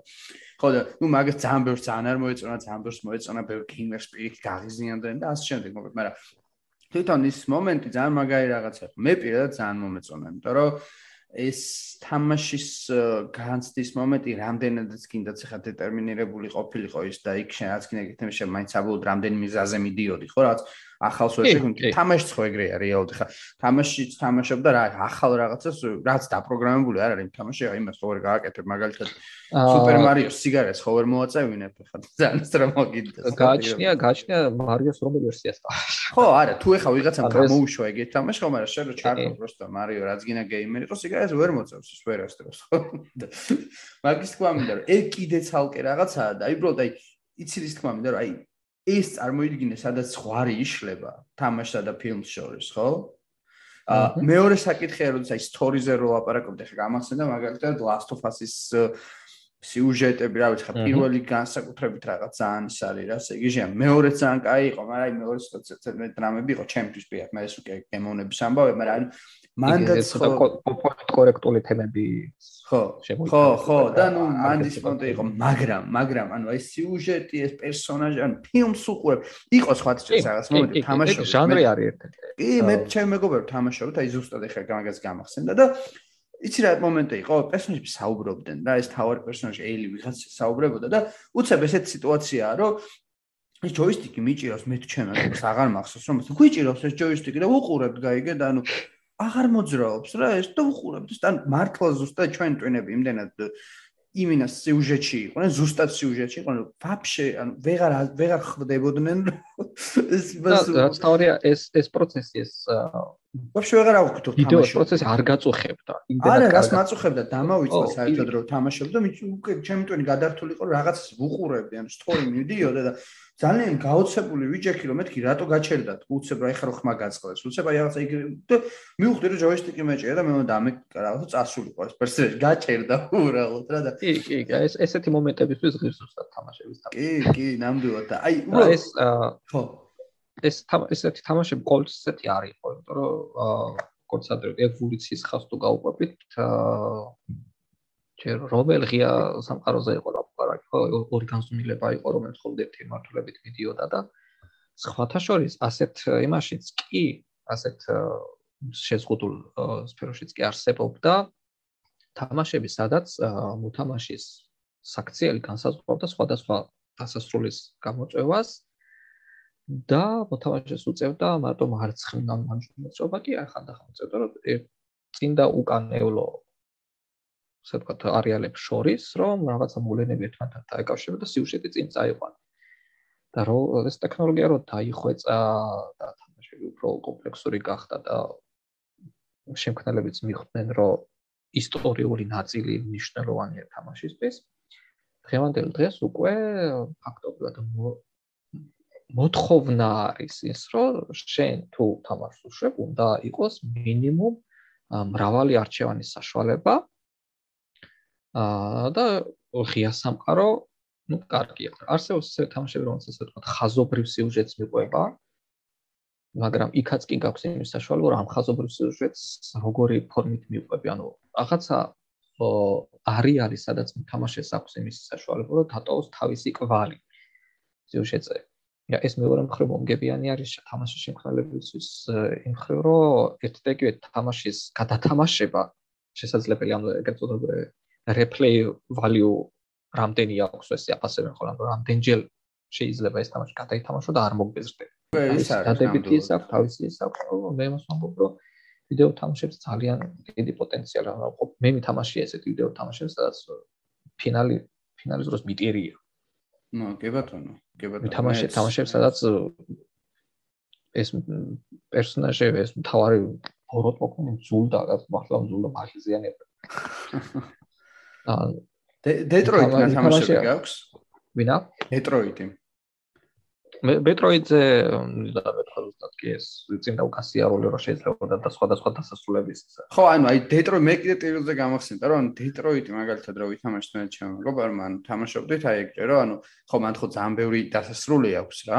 ა დეტროიტი ხო მე მეტროიდი ხო ანუ ეს რობოტებზე რო არის და ხელოვნური რობოტები ახალი თამაში შედარებით 1-2 წლის წინ 3 წლის წინ გამოვიდა და ეს კიდე ცალკე ის არის რომ ანუ წარმოიდგინე იმდენი ის არის რომ ანუ თავ ანუ შენ თამაშობდი მართლა იღებ გადაწყვეტილებებს ამბებს რა ყოველ შემთხვევაში რაღაც დონეზე ილუზია მაინც გაქვს რომ იღებ გადაწყვეტილებებს ანუ ეხლა ძალიან სიღრმეში რო წავედ ეგრე შეიძლება ჩვენი თავისუფლებას ილუზია იყოს ამ საფაროში მაგრამ ნუ ეგ კიდე საუკე თემაა ხო და რამდენი საერთოდ ის არის არსებობს თავისუფლება ხო ნუ მაგას გამახსენდა ეგ კიდე იმაზე წავიყვანს ბოდიში რომ ანუ ეგ გამოვარ საერთოდ ჩვენ თამაში ვარ მაგრამ მოკლედ ვის თქვა მინდა რა ეს რო დავამთავრო ეს დეტროიტის მომენტი რომ ანუ რო დავამთავრეთ თამაში ანუ როდესაც ისე დამთავრდა რა, ანუ ეს რობოტები ადამიანები მოკლედ ყველა ყველაფერი სულად დამთავრდა რა.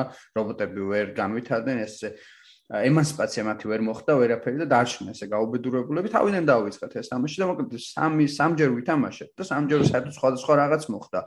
ერთგან რევოლუცია, ერთგან კაცობრიობას დაერხა, მეორეგან რობოტებს დაერხა და ას რაღაც დასასრული ქონდა ციფრზე ზუსტად არ მახსოვს რამდენი მოკლედ. ძალიან ბევრი დასასრული ქონდა რა და კი რა რამდენი ალტერნატიული ისტორია ის ხო და აი რატო ვამბობ ხა ამას იცი?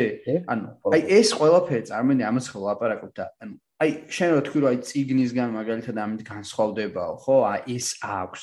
ხო და ამას ჩემი ეს მე ძალიან მინდა რომ ხელოვნური ინტელექტი კუთხე ხელოვნური ინტელექტი რა შუაშია და ვირტუალური რეალობის კუთხით წავიდეთ რომ ანუ ამას აქვს კიდე ის რაც არის ეს ვირტუალური რეალობის მომენტ დამატებით რეალობა და რომელიც არის საწყის ეტაპზე და კიდევ გონია რომ უფრო უნდა განვითარდეს განვითარდეს რა და აი ამ კუთხით რო ვილაპარაკოთ ეგეც მინდა უბრალოდ და მათ შორის აი როგორც ბიოლოგმა რომ მითხრა ნუ ეს ტვინზე რო ვაპარაკოთ ტვინზე მოქმედებს ხო ეს თამაშები რაღაც სამვითარებს უბნებს რაღაცას და ეს ვირტუალურ რეალობის მომენტი როგორ შეგვიძლია რომ ახსნათ რა ეს მათ შორის ის მომენტი რომ იჯერებ რომ იქ ხარ იმიტომ რომ მე გამიკეთებია ჩაფუთ და იმ წამს ვიცი რომ მე იქ არ ვარ მაგრამ ჩემ ტვინს ჯერა რომ იქ არის აი ეს რო ახსნათ ძალიან მაგარი იქნება ჩემს საინტერესო მე მაინტერესებს ხო ეს თამაშის შემქმნელები ყოველთვის ცდილობენ რომ მათი თამაში იყოს რაც შეიძლება მეტად ჩამთრევი რომ მოთამაშემ თავი იგრძნოს, რომ იქ არის. თორე ეს ეს თუ ესე არ არის, შენ თამაში ვერ გააკეთე. და შენაც უფრო მეტი ვიზუალური და აუდიო სტიმული გაქვს და ნაკლები გარე გამღიზიანებელი ამ პროცესს და პროცესში ხელი შეგეშალოს. თქო და უფრო ღრმად ერთვე პროცესში და როდესაც ამ ვირტუალური რეალობის ჩაფუცირგების სახელიც მოყოლა კი არ ქვია ვირტუალური რეალობის. აა შენ მოგეწოდება იდეაში მხოლოდ ეს აა ვიზუალური და აუდიო სტიმულები, რომელიც ამ კონკრეტულად ჩართული რეალობის შემცველი არის და საკმაოდ ეფექტური არის, იმიტომ რომ მეცმომის ინჯია და ხრევე ამეწოების, რა ქვია, ზონასწორობის შენარჩუნების პრობლემა, იმიტომ რომ უცხო გარემოა, ისე გეიმზე რო ადიხარ და პორტმასიც ვერ გეპლობს და ხარ როგორ ახარ, ან აა მოქმედებს ელემენტარული ვიზუალური სტიმულები, ისე როგორც ეგეთი ექსპერიმენტი არსებობს. გაყენებენ ოთახში. აა პატარა ბოძზე, სადაც ერთ ფეხით უნდა ედგე და წონასწორობას ინარჩუნებს შესანიშნავ. საათში რამდენი სანამ არ დაიღლები იდგე. შემდეგ გამწეს სულობის დროს ეს გვერდითა კედლები იწყებენ მოძრაობას. და როგორც კი ეს კედლები იწყებენ მოძრაობას, აბსოლუტურად ყველა ადამიანს უჭირს ბალანსის დაცვა და აკცია, იმიტომ რომ twins twin ფიქრობს, რომ მოძრაობ თუ არ მოძრაობ, მაშინ რატომ მოდის ესეთი სიგნალები? მოდის twin კომპლექსში და ვეღარ ხდება ზონასწორობის შენარჩუნება. ანუ არის ჩვეულებრივი ვიზუალური ილუზიის ამბავი. როგორ ახიფოს ამბავს. კიდე ის ხმე სპორტსმენებში წამოსული ხმები რომელთიდან როგორ არის და ამას ერთობა კიდე ის რომ ინტერაქცია ობიექტებთან არის ბევრად უფრო ღია ვიდრე ტრადიციული ვიდეო თამაშებში. ხო, ეგ რაღაცა პრომპტებს უნდა ვაჭიროთ და ჯერ უნდა ვივიხედოთ იმ ობიექტისკენ შემდეგ რაღაც პრომპტს უნდა დავაჭიროთ. რაღაც მოხდეს, მაგრამ ამ ვირტუალურ რეალობაში უშუალოდ ხელში არსებული, ანუ უშუალოდ ხელით ხდება ყველა ობიექტისკენ ინტერაქცია და ეს დროთა განმავლობაში უკვე იმდენად ყურადღება გადაგაქვს აქ არსებულ სამყაროზე, რომ ხდება სამყაროში გადახდა და ყოფილი ხოლმე შემთხვევები, რომ აა კეთილებს დაჯახებია ხალხი, იმიტომ რომ ვერ გავსაზღვრავთ ამ ხელაზე გადააკეთოთ ოთახში ინვენტარი დაუზიანებია და ბევრი ინციდენტები არის. და თვითონ ამ ვირტუალურ სამყაროში რას ჩავკერთავთ ამის პოტენციალი ძალიან დიდი არის, იმიტომ რომ აა მე მიყვარდა ხოლმე Google Earth-ით 3D პანორამების ჩართო თითქოს რაღაცა სამგზავრო დავდიოდი და ნახულობდი. სახლიდან გაუსვლებ. და წარმოიდგინეთ ამას დავამოტოთ ის ეფექტი, რომ აა ეს ყველაფერი ჩემ თავში ხდება. უშუალოდ იმ სიტუაციაში. სამეცნიერო თვალსაზრისით კიდე შეგვიძლია ეს ნუ ვიცით რომ ბიოლოგიაში მასალის ვიზუალიზაცია ერთ-ერთი მნიშვნელოვანი არის ის რომ კარგ უფრო აღქმადი გახდეს ის ურთულესი პროცესები რაც ხდება ხო და ჩვენ თუ ამას შევძლებთ რომ გადმოვიტანოთ 3D სამყაროში სადაც ასე ვთქვათ მეტი კუთხით უფრო მარტივად შეგიძლია უფრო დეტალურად დაინახო რაღაცეები, ну ეს რატო რატომაც არა და იქნება უკეთესი მეთოდი, რომ დაკვირვებები აწარმოახოს და სტრუქტურულ ჩანართებზე ან დინამიკაზე და პროცესებზე, თუმცა ამას სჭირდება ტექნოლოგიური განვითარება, ტექნოლოგიების დახვეწა და ამბებიდან, ნუ ვიდეო თამაშების შექმნა არ არის იოლი საქმე, მინახავს ეს პროცესი როგორ ხდება და ურთუ ურთულეს და უდიდეს შრომას მოითხოვს როგორც პროგრამისტებისგან, ასევე ვიზუალურ ხელოვანებისგან, ხელოვნებს უწოდება ამ ხალხს. და ფიქრი უნდა, ნუ ძალიან ბევრი ეს არ არის, რომ რაღაცა მოძრავი ნახატები გავაკეთო და ასე რაღაც პროდუქტი არის. საკმაოდ შრომატევად საქმეა და შრომატევადთან ერთად უდიდესი ინდუსტრია არის ეკონომიკის თვალსაზრისით. კი ბატონო, ხო და ანუ აი ეკონომიკის ფაქტორი კიდე ცალკეა, ხო? ანუ რამდენად კი, კი, ეკონომიკის ფაქტორი სპორტშიც კი არის ელექტრონულ სპორტებში გადასული და საკმაოდ დიდი ფული ტრიალებს ამ ელექტრონულ სპორტში. აჰა. ქართველებიც უკვე აიღებენ ხოლმე მონაწილეობას რაღაც ჩემპიონს, ქაქრქვეყნის წარმომადგენლები არიან ხოლმე როგორც ჩვენ ნაკრები. კი, კი, არიან და ეს თამაშებით სპეციალურად კეთდება ასე ვთქვათ ექსკლუზიურად ელექტრონული სპორტის მიმართულებით, სადა რომელიც გულისხმობს, რომ რაღაცა ხალხის ჯგუფს შეუძლია ერთმანეთს დაუპირისპირდნენ და აჩვენონ ვის უკეთესად შეუძლია რაღაც ურთულესი მეებს მოძრაობების შესრულება, ანუ უფრო უკეთესად აღიქვავს სიცხეს, უკეთესი რეფლექსია აქვს და ასე შემდეგ. ნუ, როგორც ჩაოლებრივ სპორტში რა, ვინ უკეთესი სპორტსმენი ისე აქაც ინტერიერად მოითხოვს ადამიანისგან თამაშისგან ბევრი უნარის მოწოდების სიმაღლეზე.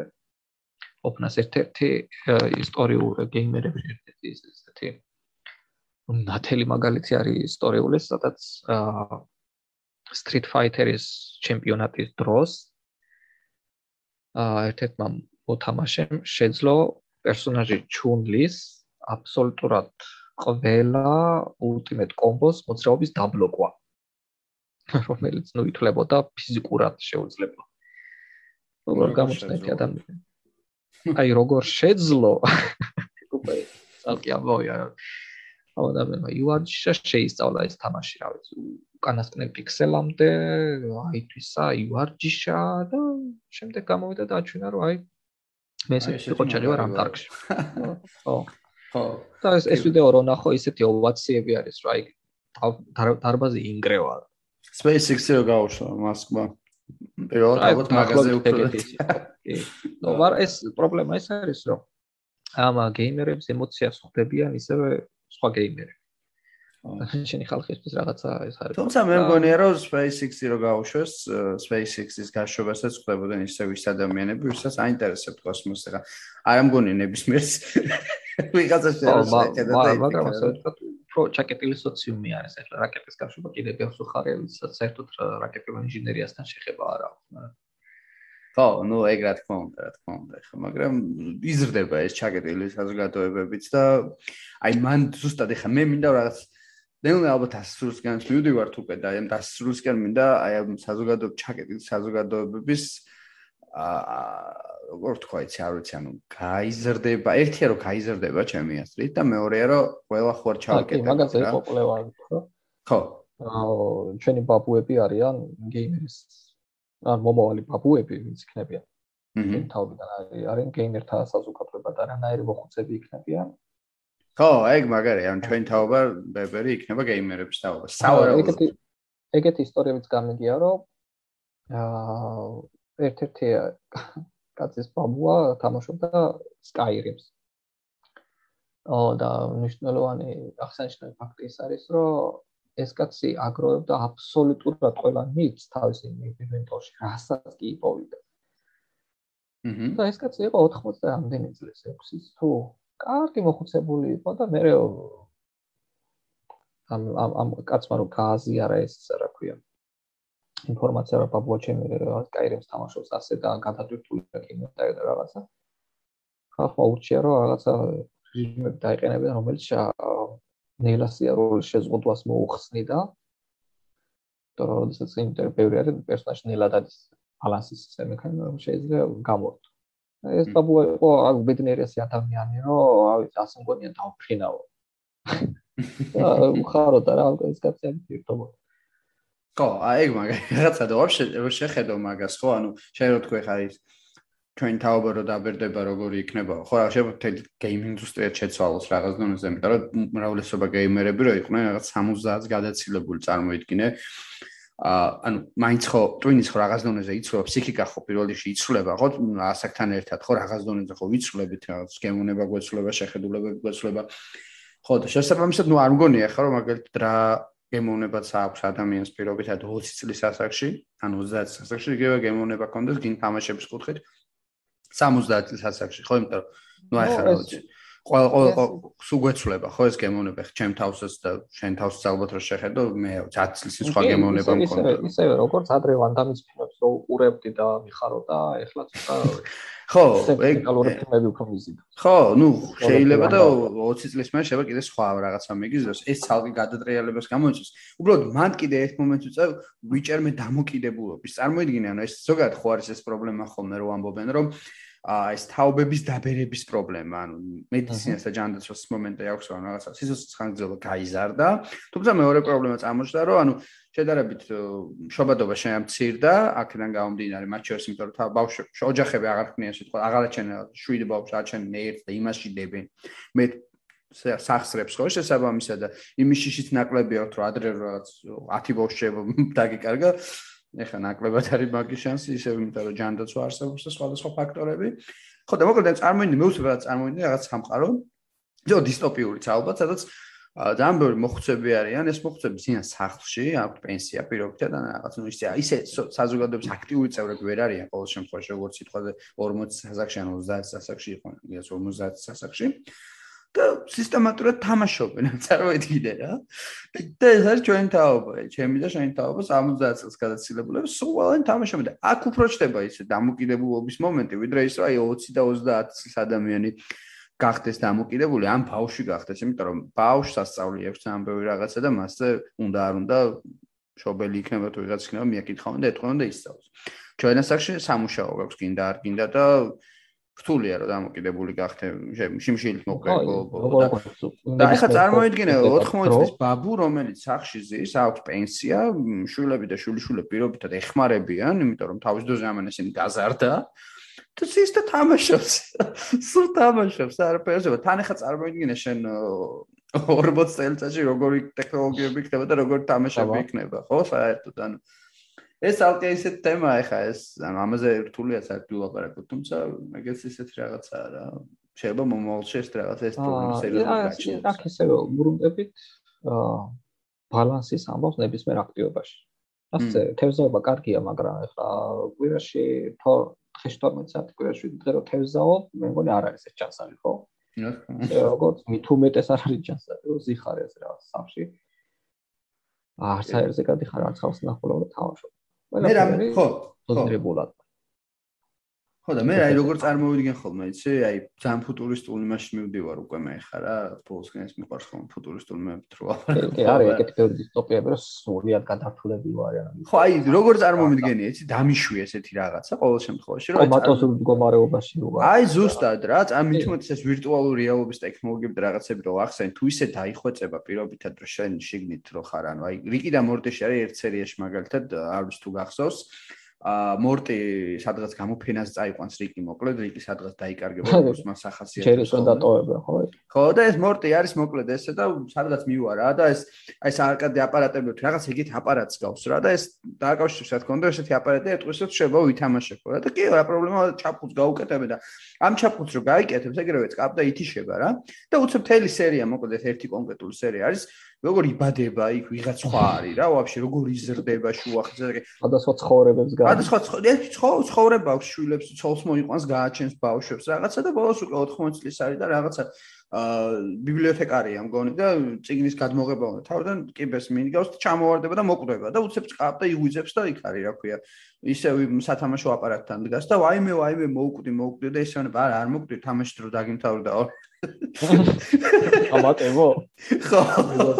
ხო და აი წარმოიდგინე ანუ ესეთი ვირტუალური რეალობის ტექნოლოგიებს ძალიან თუ განვითარდა ხო რა ვიცი სად სადღაც შეიძლება წაიშალოს იმის სად არის რეალობა და სად არის აქ ერთადერთი მანიპულირებელი ფაქტორი ის არის რაც არ უნდა კარგი თამაში იყოს რაც არ უნდა ჩამთრევი იყოს და ასე ვთქვა ყველაფერი ამის და აა სხეული მაინც თავისას მოითხოს ესეთი ის იყო რა საერთოდ წავიდაო და წავიდა ახლა დიამბავი რომ მოშვიდება და მოვაო აი და მუსიკი თემა რა. ხო მაგრამ ძალიან ფუტურისტულად შევხედოთ წარმოიდგინე რაღაც იმეზე რომ ხარ შეერთებული. თუკი ჩვენ შექმნით სისტემებს სადაც აი როგორც მატრიცაში იყო ხო ის პოდებში ვარიან შეერთებული და რაღაცა ვირტუალურ სამყაროში ცხოვრობენ და რობოტები ბიოდენს გამომშავენ, მაგრამ მათი ესე ვთქვათ ბიოლოგიური აქტივობა შენარჩუნებული არის მანქანების და აღსაკვებითი სითხეების დახმარებით, მაგრამ. ხო, თეორიულად, თეორიულად ესეთ მდგომარეობაში გადასვლა შესაძლებელია, კი, თუკი ჩვენ მოახერხებთ ის მას, რომ ეს სხეული უზრუნველყოფილი იყოს ბიოლოგიური აქტივობის მინიმუმით იმისთვის, რომ კლიმატ აქტივობა შეძლოს, და ჩვენ თან ახლავთ, რომ ესეთ მდგომარეობაში ჩავიგდოთ თავი. თერულად შესაძლებელია და ამას ამის განვითარება კიდე შეიძლება იყოს ის, რომ დაიხვეწოს ტექნოლოგიები ისე რომ მოხდეს ტვინის აციფრულება. და მე უკვე საერთოდ შეიძლება დატოვოს თავისი სხეული და გადავიდეს ვირტუალურ სამყაროში საცხოვრებლად. მაგრამ ეს უკვე საერთოდ სხვა ის არის. ხო, გეიმინგი აღარ არის. ფილოსოფიური და მდგომარე უკვე რომ ხო, ну, ბევრს ხო იმის ძგონია, რომ ეხლა ვირტუალურ რეალობაში ყოველთვის თამაშების როლი ეგ არ არის, რომ მაქსიმალურად მოგწყვიტოს რეალობას და გავხდეთ დამოკიდებული ეს. აჰა. თუმცა რა იქნება, ეგეც არ ვიცით, იმიტომ რომ ანუ ეს ხო ის არა, ზოგადად ადამიანის ნებისმიერ ტექნოლოგია ხო არის რაღაცა. ხო, ამონაზარდია დამოკიდებული. ხო, იმიტომ რომ ადრე, ადრე სანამ როგორც მიგვაჩვევენ, ისე ადრე ხალხისთვის შენ წარმოიდგინე და ტექსტური თამაშებიც კი საკმარისი იყო რა. მათ კონსოლში შეგყავ და ბრძანება, მაგალითად, წავიდეთ წინ. დაწერდი წავიდეთ წინ და კომპიუტერი შეეუბნებოდა, რომ ტექსტი იყოს ყველაფერი იყო წინ. კომპიუტერი გეუბნება, შენ გაიარე ხუთი ნაბიჯი და ხელავ ქვას. აი ამას. ეხლა რაღაც იზავ, ავიღებ ქვას, თუ არ ავიღებ ქვას და აი აი ესეთი დონის ჩვენ გადასახედიდან ხო ის ხო რაღაცა აი პრიმიტივესი თამაში არის ხო, მაგრამ თამაშობდა ხალხი ერთობოდა ამით ეხლა კიდე რასაც უყურებ ბავშვებში და ახალგაზრდა მოთამაშეებში, რომ პირველი რა თამაში რო გავუახორე ახალი გრაფიკა როგორია? როგორი გრაფიკა აქვს, რა თქმა უნდა. აი ეს ხარ წამყვანი და რო შეხედავენ ხოლმე ძველი გრაფიკის თამაშებს, რომელთაც არის საკულტო თამაშები, თავის ჟანრში, თავის დარგში, რომელსაც წინ ტექნოლოგიური გადატრიალება მოახდინა, ზოგადად საერთოდ გეიმინგის სფეროში რაღაც აი ანუ ისტორიულად ძიმე წონიანი მოვლენები, ნე, ცუდი გრაფიკა აქვს, არ ვითამაშე. და ხდება უკვე მოთხოვნილება იმისა, რომ რაღაც ეს ძველი თამაშები აი ორიგინალი სტუდიების თუ ფანების დახმარებით, ასე რემასტერები გამოვიდეს, სადაც ვიზუალურად უფრო ხელი არ შეიძლება და ახალგაზრდა მოთამაშეებს იზიდავს, მაგრამ ძალიან ხშირად დავწუნებული ვარ, რომ ეს ვიზუალური ხარი არ არის უნიშნელოვანესი სფერო, აი Minecraft-ს თუ ავიღებთ. Minecraft-ი როცა გამოვიდა, შემკნელმა თქვა, რომ აა ჩემი მიზანი იყოს, რომ შემექნა თამაში მინიმალური ვიზუალური იმით დატვირთვით, თამაში უნდა ყოფილიყო უფრო პროცესი, ვიდრე ვიზუალი რაც ხდება და ნუ გაამართლა ფაქტია, ხო, რამდენი ადამიანი თამაშობს Minecraft-ს, ყოველთვის პონს პოპულარობა. ო, აი Minecraft მე დიდად ვერ დავმოხამ. არც მიცდი ამ თერმ კითხვა შეიძლება. ზუსტად ის რომ ხო, ძალიან სპეციფიკურად ვიყავი განწყობილი Minecraft-ის მიმართ, მაგრამ რეალურად შედიხარ იმდენი ისაც, რა ქვია, ნუ სამყარო ერთ-ერთი უდიდესი არის ვირტუალურ სამყაროებს შორის. იმ მოცულობით. და სიუჟეტი რაც უნდა გაგიკვირდეს სიუჟეტი აქვს ამ თამაშს. ამბავი აქვს რომელიც არავინ არ გეუბნება რომ ეხლა წადის გააკეთე ეხლა წადიეს გააკეთე. ეს თუ არავინ გეტყვის რა უნდა გააკეთო გამოცდილი მოთამაშეებიდან ისე ვერ მიხვდები რა. რაღაცა თამაშის პროცესში შეიძლება რაღაცები აღმოაჩინო ნიშნებები რაღაცა სულ შემთხვევით გადააწყდეს პროცესს და ნუ ეს თალკე ის. აჰა რაც თავარია Minecraft-ს აქვს კრეატიულობის თავისუფლება. ну ისეთი კონსტრუქციები აქვს ხალხს აშენებული. აჰა. აი არის ხელოვნების ნიმუშები არის ფაქტობრივად რა რო შეხედა. აა რაღაცა ისე თამაში რო შეხედა, ვიღაცა გეტყვის რომ იმე რა არის თამაში. აა ერთმა ერთმა კაცმა Minecraft-ში აწყო ერთკვირთვიანი პროცესორის მუშა ვერსია. პროცესორის. ხო. აი ეს ესეთ აა მექვიშია თამაშები საშუალებას აძლევს ხალხს რომ გამოიყენონ თავის ტვინის შესაძლებლობები რაც აქვს. აი მე მე პირადად იმდენის მინახავს ესეთი ურთულესი თავსატეხები მინახავს ალბათ ვიდეო თამაშების სფეროში, აი მეც კი რომ მაოგნებს რომ ამდენი თუ აი ეს საერთ რატომ უაფიქრდა თან როგორ მიხვდნენ აი ეს ხო ეს ხალხი ხო ცოდო არის რა არ ქონდეს მედიუმი თავისი ქონების გასავარჯიშებლად გასალაღებლად და ასე შემდეგ. ჯერბატონ. აა მოკლედ რა ვიცი ანუ მე მგონი აა ბევრ რაღაც შემომწურად ვისაუბრეთ, თუმცა თემა არის რომელიც შეიძლება უსასრულოდ ვისაუბრო, იმიტომ რომ თამაშების სფეროს მართლა უსასრულოდ დიდია და თან ამასთან ერთად სულ განახლებადია, ხო ეხა რომ ვაპარაკოთ, ვიღაცები ძიან და რაღაც ახალ თამაშებს იგონებენ, ვიღაცები ძიან და კიდევ უფრო ძლიერ გრაფიკას ქმნიან. ვიღაცები ვირტუალური რეალობის დახვეწაზე მუშაობენ. ო, აი ეს ეს როგორც რობოტექნიკა არის, რომ აი აბა შექმნათ რობოტი, რომელიც იქნება ადამიანთან ყველაზე დოტოფიტად რა თქვი, ხო? აჰა. მაგრამ ეს არის ხალხის ჯგუფი, რომელსაც არის მნიშვნელოვანი ის, რომ აი რატო უნდა გავაკეთო მანქანა, რომელიც არის ყველაზე სწრაფი. შეიძლება. რა ვიხე, მე მანქანებს არ ვაწყობ და არ მაინტერესებს სწრაფი მანქანები, მაგრამ ხალხის ჯგუფისთვის არის ძალიან ინჟინერებისთვის ძალიან მნიშვნელოვანია, რომ კაი გამოწვევა პირად. და ესეთი გამოწვევები იწვევს უბრალოდ პროგრესს, ხო?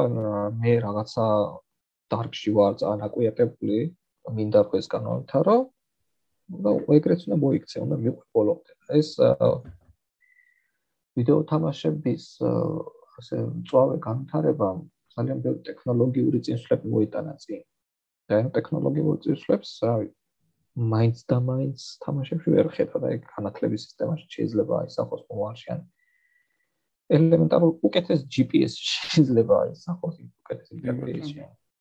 მოდი მაშინ ახლა ბოლოს შეკითხვას დაგისვავ დღეისთვის და აა და ეს ბოლოს შეკითხვა იქნება ნუ იდეაში ვლაპარაკეთ ამაზე უკვე, მაგრამ მაინც რა ირო შევაჯამოთ, აი რაღაც როგორ შეიძლება იყოს აი მთელი ამ პროცესების ამ ვიდეო თამაშების ევოლუცია. აა როგორც ახლო მომავალში, აი მათ შორის იმ მომავალში, რომელიც აი Far Cry 6 რო ველოდები, ხა მე მაგათ გამოვიდა უკვე და პირობითად 7 როგორი იქნება. ნუ აი ესეთი ახლო მომავალი და ცოტა შორეულიც აი მათ შორის აი ეს რო ვისაუბრეთ, რომ ჩვენ თავობა რო დაბერდება და ასე. და აი როგორ წარმოგიდგენთ და აი კიდე საინტერესო როგორც ბიოლოგის კუთხით ანუ ამას შევხედოთ, რომ აი აა ტვინზე ზემოქმედებები როგორ შეიძლება განაგრძოს ამ თამაშებმა, როგორ შეიძლება შეიცვალოს უფრო მკვეთრი გახდეს უფრო და ასე შემდეგ. მოკლედ, აი რაღაცა ეს ამის აი ეს შეკითხვა და ამით ალბათ შეგვიძლია დღევანდელი ჩვენი საუბარი დავასრულოთ კიდევაც. ნუ პირველ რიგში უნდა ითქვას, რომ თამაშები არსად წასვლას არ აპირებენ, ისინი დარჩებიან. ისევე როგორც არსად არ წავა ტელევიზორი, არსად არ წავა ინტერნეტი, თამაშებიც იქნება ჩვენთან მანამ სანამ იარსებობს ელექტროენერგია და ტექნოლოგიები. სამ რაღაცა ისეთი არ მოხდება, რომ დავფუნდეთ თვის ხანაში ან აპლიკაციის ხანაში. აჰა. იქნება ესენ განაგრძობენ განვითარებას, ახლა არ შეიძლება ფრენჩაიზებს, ახალი წამოა, რაღაცები მოკვდება, რაღაცებს მეთვლი როგორ დიდი ხანი უნდა მოკვდარიყვნენ, მაგრამ ხელოვნურ სუნთქვაზე ყავთ ასე ვთქვათ კომპანიებს, რომ ჩემი გადასახედა მარკეტინგულ ხრიკებს აკეთებენ, რომ ახალი მოთამაშეები მოიზიდონ და აჰა. არა, მაგრამ მე ესე ვამბობ ხოლმე, რომ ჯობია რაღაცა მალე დამთავრდეს და გული დაწყდეს, ვიდრე იმდენი ხანი იყოს, რომ მე მომწეს და საერთოდ ინტერესი დაკარგო. მაგალითად, ჩემ შემთხვევაში Assassin's Creed-ში. ვერ მოა დაიწყეს ძალიან კარგად, ძალიან ენთუზიაზმით ვარ ჩართული, მაგრამ მე თვითონ და თვითონ აიბლანდნენ საკუთარ ისტორიაში და უკვე ისეთ თქმა უნდა თუ ვეღარ ხდებოდნენ და გადასული იყვნენ უკვე კომერციულ ინტერესზე და კარგის ყველანაირი ასე ვთქვათ ჩემთვის ღირებული ის რაც არის თამაში რაც არის ისტორია ტექნოლოგიური პროგრესი და გამართულობა როდესაც უკვე ფულისთვის აკეთებ შტამპზე თამაშების გამოშვებას ეს ჩემი აზრით არის სიხარბე და ხორობა მეტი არა არა ღირებული ამაში არა და ასე არსებობენ თამაშები რომლებიც რა ვიცი იმედი გამიჩინეს რომ არსებობს კიდე ხალხი რომ თამაშს როგორც ხელოვნების ნიმუშს განიხილავს. და იმედი მაქვს რომ ჩვენ გვექნება ბევრი ისეთი თამაში როდესაც რომელსაც აი აიღებ და იტყვი რომ აი ჩემი შვილი რო გაიზრდება ამას ვათამაშებ აუცილებლად იმიტომ რომ ისე როგორც აი ჩემი შვილი რო გაიზრდება ის ციკლი უნდა წავაკითხო. ესეთი ისინი ციკლი იმიტომ რატომაც არა. აჰა. ხედავ ამაში პრობლემა ნაჩენ კიდე რაც დრო აჩვენებს მოკლედ. თავარი ტექნოლოგიები მას მიცეს საშუალება რომ შეინარჩუნოს განვითარების ეს ტემპი. ხო ეგ პროცესი ძალიან დიდი იმედი მაქვს რომ არ გაჩერდება არა მარტო თამაშების ყველაფერს. მიკროსქემების განვითარების პროცესი უფრო ჩქარი არის ვიდრე ნებისმიერი სხვა ტექნოლოგიების იმიტომ რომ უფრო ანუ ასე ვქოთ კარგი მიკროსქემები გაკეთებ უკეთეს მიკროსქემებს. აჰა ეს ყველაფერი ერთადერთი პრობლემა შეიძლება იყოს უკვე რესურსების სამყარო, იმიტომ რომ ეს მიკროსქემები და კომპიუტერული კომპონენტები საკმაოდ რესურს მოთხოვნადი არის და ამას წარმოადგენს ეს უკვე ინდუსტრიის დარგი არის. მე მე კონსეკეთ ხელმისაწვდომი უნდა იყოს უკვე ხო ტექნიკურად ხალხისთვის. აჰა. რაც არის, მაგრამ ნუ ფაქტია, რომ ეს ინდუსტრია აშკარად დიდ პოტენციალს ფლობს. კი ბატონო. კი ბატონო. აა, რა ვიცი, მე მგონი ეს იყო დღეს ჩვენი ამ თემაზე საუბარი და რა ვიცი, მართლა ბევრ რაღაცას შევეხეთ და ჩემს საინტერესოა. ხო, ნუ ესეთ თემაა, რომ ვერ ამოუწურავთ ნამდვილად ბოლომდე. მაგრამ მართლა გაჭირდება კიდე მე და მე უკვე ისეთი ისინი წამოახონა. ხო, პირადი გამოცდილებები და ისინი და საქმეც ეგ არის, რომ ეს ხალხი რა, ვიდეო თამაშების მოთამაშეებს გვაქვს ბევრი სალაპარაკო აი ზუსტად ისე როგორც ციგნის მოყვარულთა იმას რომ აი ბიჭო ეს ნათამაშები გააქვს და აი ხო აი გახსოვს და აი ეს კი აი ძალიან იმას გავს რა აი კარციკსო დაამთავრებ და რომ ემოციური ხარ გინდა რომ ვიღაცას გავუზე რომ ასო შევა არ გინდა გავუზე პროსტო ზიხარ ბედნიერი. ეგრე აქვს თამაშებსაც მართლა აქვს ეგრე და მე საკუთარ თავზე გამომიცდია და დარწმუნებული ვარ აი მსმენელს ვინც ახლა გვისმენს, მასაც ძალიან ბევრი გამოუც, ბევრს გამოუცდეს და ვის არ გამოგიცდიათ ეს მეგობრებო და მაინც მოგვისმინეთ ამას. ესე იგი თქვენ გაქვთ იმის პოტენციალი, რომ ეს ყველაფერი საკუთარ თავზეც გამოსცადოთ და ღირს ნამდვილად გამოსცადეთ, გირჩევთ. აა ხო, და ნუ როგორც კოჩა ამბობდა და მეც ამაში დავთანხმები ნამდვილად, ყველაფერს აქვს რაღაცა ბალანსის მომენტი, აქვს ყველაფერს რაღაც თავისი ესე თქვათ მინუსების, პლუსებიც და ანუ მარტო ერთი რაღაც კეთება ნებისმიერ ესაც იქნება არის ცუდი, აპრიორი ცუდი.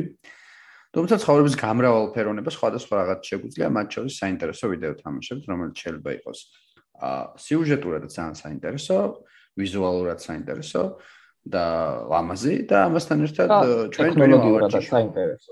კი ბატონო და ვისწავლოთ რა ძალიან ბევრი რაღაც, მათ შორის ჩვენ ტვინი ვავარჯი. რა ვიცი, ამ ამ ნოტაზე მოკლედ შეგვიძლია ალბათ დავამშვიდობოთ ერთმანეთს და მათ შორის მსვენელს და რა შევხვდებით შემდეგ პოდკასტში. კარგად და მადლობა. აა, დიდი მადლობა. აა,